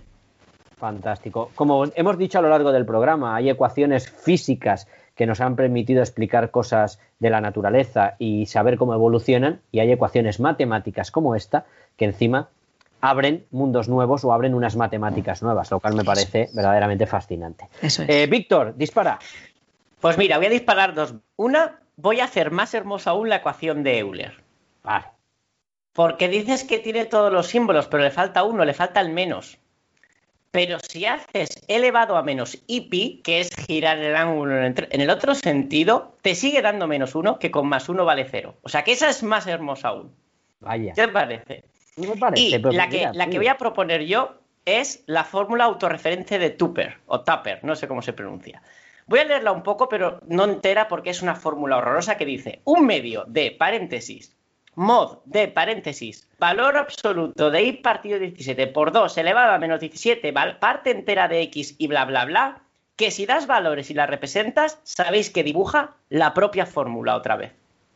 Con sus, sus paréntesis, o sea, es flipante tú das valores en una gráfica de, estos, de esta fórmula tan horrorosa y van apareciendo puntos que al unirlos sale la propia fórmula. Yo no sé este hombre cómo pudo encontrar esto. pero ahí está. Fórmula autorreferencia de Tupper. Hay veces que no se busca utilidad, sino que se busca pues, hacer cosas. Lógica. Belleza, lógica, ¿no? Eh, la pondremos en Twitter, acuérdate, Víctor. Ponle en Twitter el nombre, como es un nombre un poco extraño, y algún enlace para verla, ¿vale? Perfecto. Ignacio, te he dejado para el final. Mm. Pues yo realmente. Estoy deseando irte. Estoy cogería la que ya he dicho, pero para no repetirme voy a dar otra. Voy a decir que yo tomaría las ecuaciones de Lorentz, pero porque me gusta mucho la idea del caos, el caos en sistemas complejos como puede ser el cerebro. Y aquí fue una, esta fue una de las primeras semillas, son las primeras ecuaciones que estaban modelizando sistemas no lineales de forma pues, realista, hablando ya de, sus similitudes con la naturaleza, en este caso para la meteorología, tú lo conocerás, pero eh, eso, que fue una semilla a partir de la cual se desarrolló mucho trabajo y se, se, pudieron empezar a estudiar un montón de otros sistemas complejos como son, como decía Anabel, las infecciones, que también tienen ahí dinámicas caóticas, como el caso del cerebro o los pulsos del corazón, un montón de fenómenos distintos. El caos llama a la puerta. con Lorenz y con su y con su mariposa, ¿no? Podríamos decir, de una forma o de otra, y descubrimos que muchos sistemas pues son caóticos, lo cual hizo que a la larga eh, nos ponga una imposibilidad de predecir a largo plazo, que tiene eso aquel también, la cosa que acabamos de decir, que tiene la aquel. Bueno, señores, pues bueno, si queréis yo nombro la mía. Yo creo, sinceramente, que por, por quién la hizo, eh, por lo que representa, por ser la más conocida y porque me da la gana, porque cada uno elige la suya, yo me quedo con E igual a mc cuadrado, porque me parece fascinante por toda la historia que tiene detrás y todo lo que supuso a lo largo del siglo XX. Me parece un icono en cuanto al personaje, evidentemente, y en cuanto a la fórmula. Sé que no soy muy original, tenía que haber cogido una química para chafar un poco a Ignacio, eh, pero realmente, pues bueno, creo que E igual a mc cuadrado, como decía Hawking, tiene que aparecer en cualquier libro de historia de la ciencia de una forma o de otra. Bueno, señores, muchísimas gracias a todos, ha sido un placer. Eh, un programa especial, como decíamos, un programa en el que estamos aquí para decir que vamos a seguir haciendo programas, lo cual creo que es importante, que hemos cogido fuerza, lo cual creo que también es importante, que hace falta de vez en cuando parar un poco y ver las cosas en perspectiva, valorar lo que tienes y pensar en la gente que hay al atrás, al otro lado, que hasta el programa 300 no nos toca hacer otro programa especial, que ya, pues oye, es relajar un poco y que creo que ha quedado un programa en el cual, pues el objetivo que teníamos, que era sobre todo pasarlo bien como siempre, dialogar aquí con los amigos y que nos contaran, pues de forma pluridisciplinar y de forma histórica, aspectos interesantes y curiosos del mundo de la ciencia. En fin, me voy despidiendo. Anabel, ¿alguna cosa más? Nada, nada. Decir que me gustan mucho las ecuaciones en general y que creo que es bonito hablar de ellas y que son muy útiles. Quedan programas en el aire que es importante. Uy, sí, sí. David Ibáñez, amigo, ¿qué tal? ¿Alguna cosa más que apuntar? Yo simplemente E igual MC cuadrado no es para tanto. La madre que te parió. En fin. Pero está, está, bien, está muy bien. Está, está, muy bien, ¿no? Bueno, ya hablaremos de eso otro día. Víctor. Sí. Oye, yo creía que ibas a decir alguna de música. Eh, pues las hay, se usan, ¿eh? Se usan ecuaciones en música, sobre todo en, electroacústica y tal, para, bueno, eh, las transformaciones de Fourier se usan en música. Para estudiar los armónicos de un instrumento. Eso daría para un programa muy interesante también. Bueno, te llamaré antes para otro programa antes del de Godel, o a lo mejor el próximo es el de Godel, quién sabe. Vale. O música de la dirección, de orquesta, que tanto. O sea, matemática de la dirección, que tanto te interesa. Hay otro que me interesa, de inteligencia artificial y creatividad. Podemos hacer Ostras, ese sí, ese, eh, hay mucho, mucho que decir. sobre esos programas que componen como Mozart. Ese es bueno. Ese no lo tenemos que apuntar. Sí, sí. En fin, hablamos, Víctor. Un abrazo. un abrazo, Antonio. Pedro, lo dicho. Hasta otra, amigo. Hasta otra. Simplemente una cosilla, Antonio. Has dicho que este programa es especial, es el 200 y que no va a haber otro especial hasta el número 300, pero realmente este es especial por ser el 200. El 199 es especial por ser el último de 2020. El 198 fue especial por estar entre dos primos y prácticamente todos los programas son especiales. Porque si hubiera un solo programa que no fuera especial, eso debería ser realmente especial por ser el único. Macho, yo es que estoy por no despedirme a Ignacio, porque era la forma de acabar. Lo ha clavado el tío. Fantástico. Ignacio, decimos algo o adiós, ya está, ¿no? Yo solo iba a decir que un abrazo a los químicos, que no se me enfaden. Hombre, no, por favor. Y además, ahora, ahora sí que digo yo antes de terminar, Ignacio ha sido absolutamente irónico en ese momento, por supuesto, porque poca gente conozco yo de verdad que ame tanto la ciencia y todas sus disciplinas, por supuesto. Ignacio, un abrazo amigo. Hasta Venga, un abrazo. Hasta, la próxima. Adiós. Bueno, nosotros nos despedimos, volveremos en el programa, como dice Pedro, también especial 201 y que será un verdadero placer estar aquí con todos ustedes. Adiós.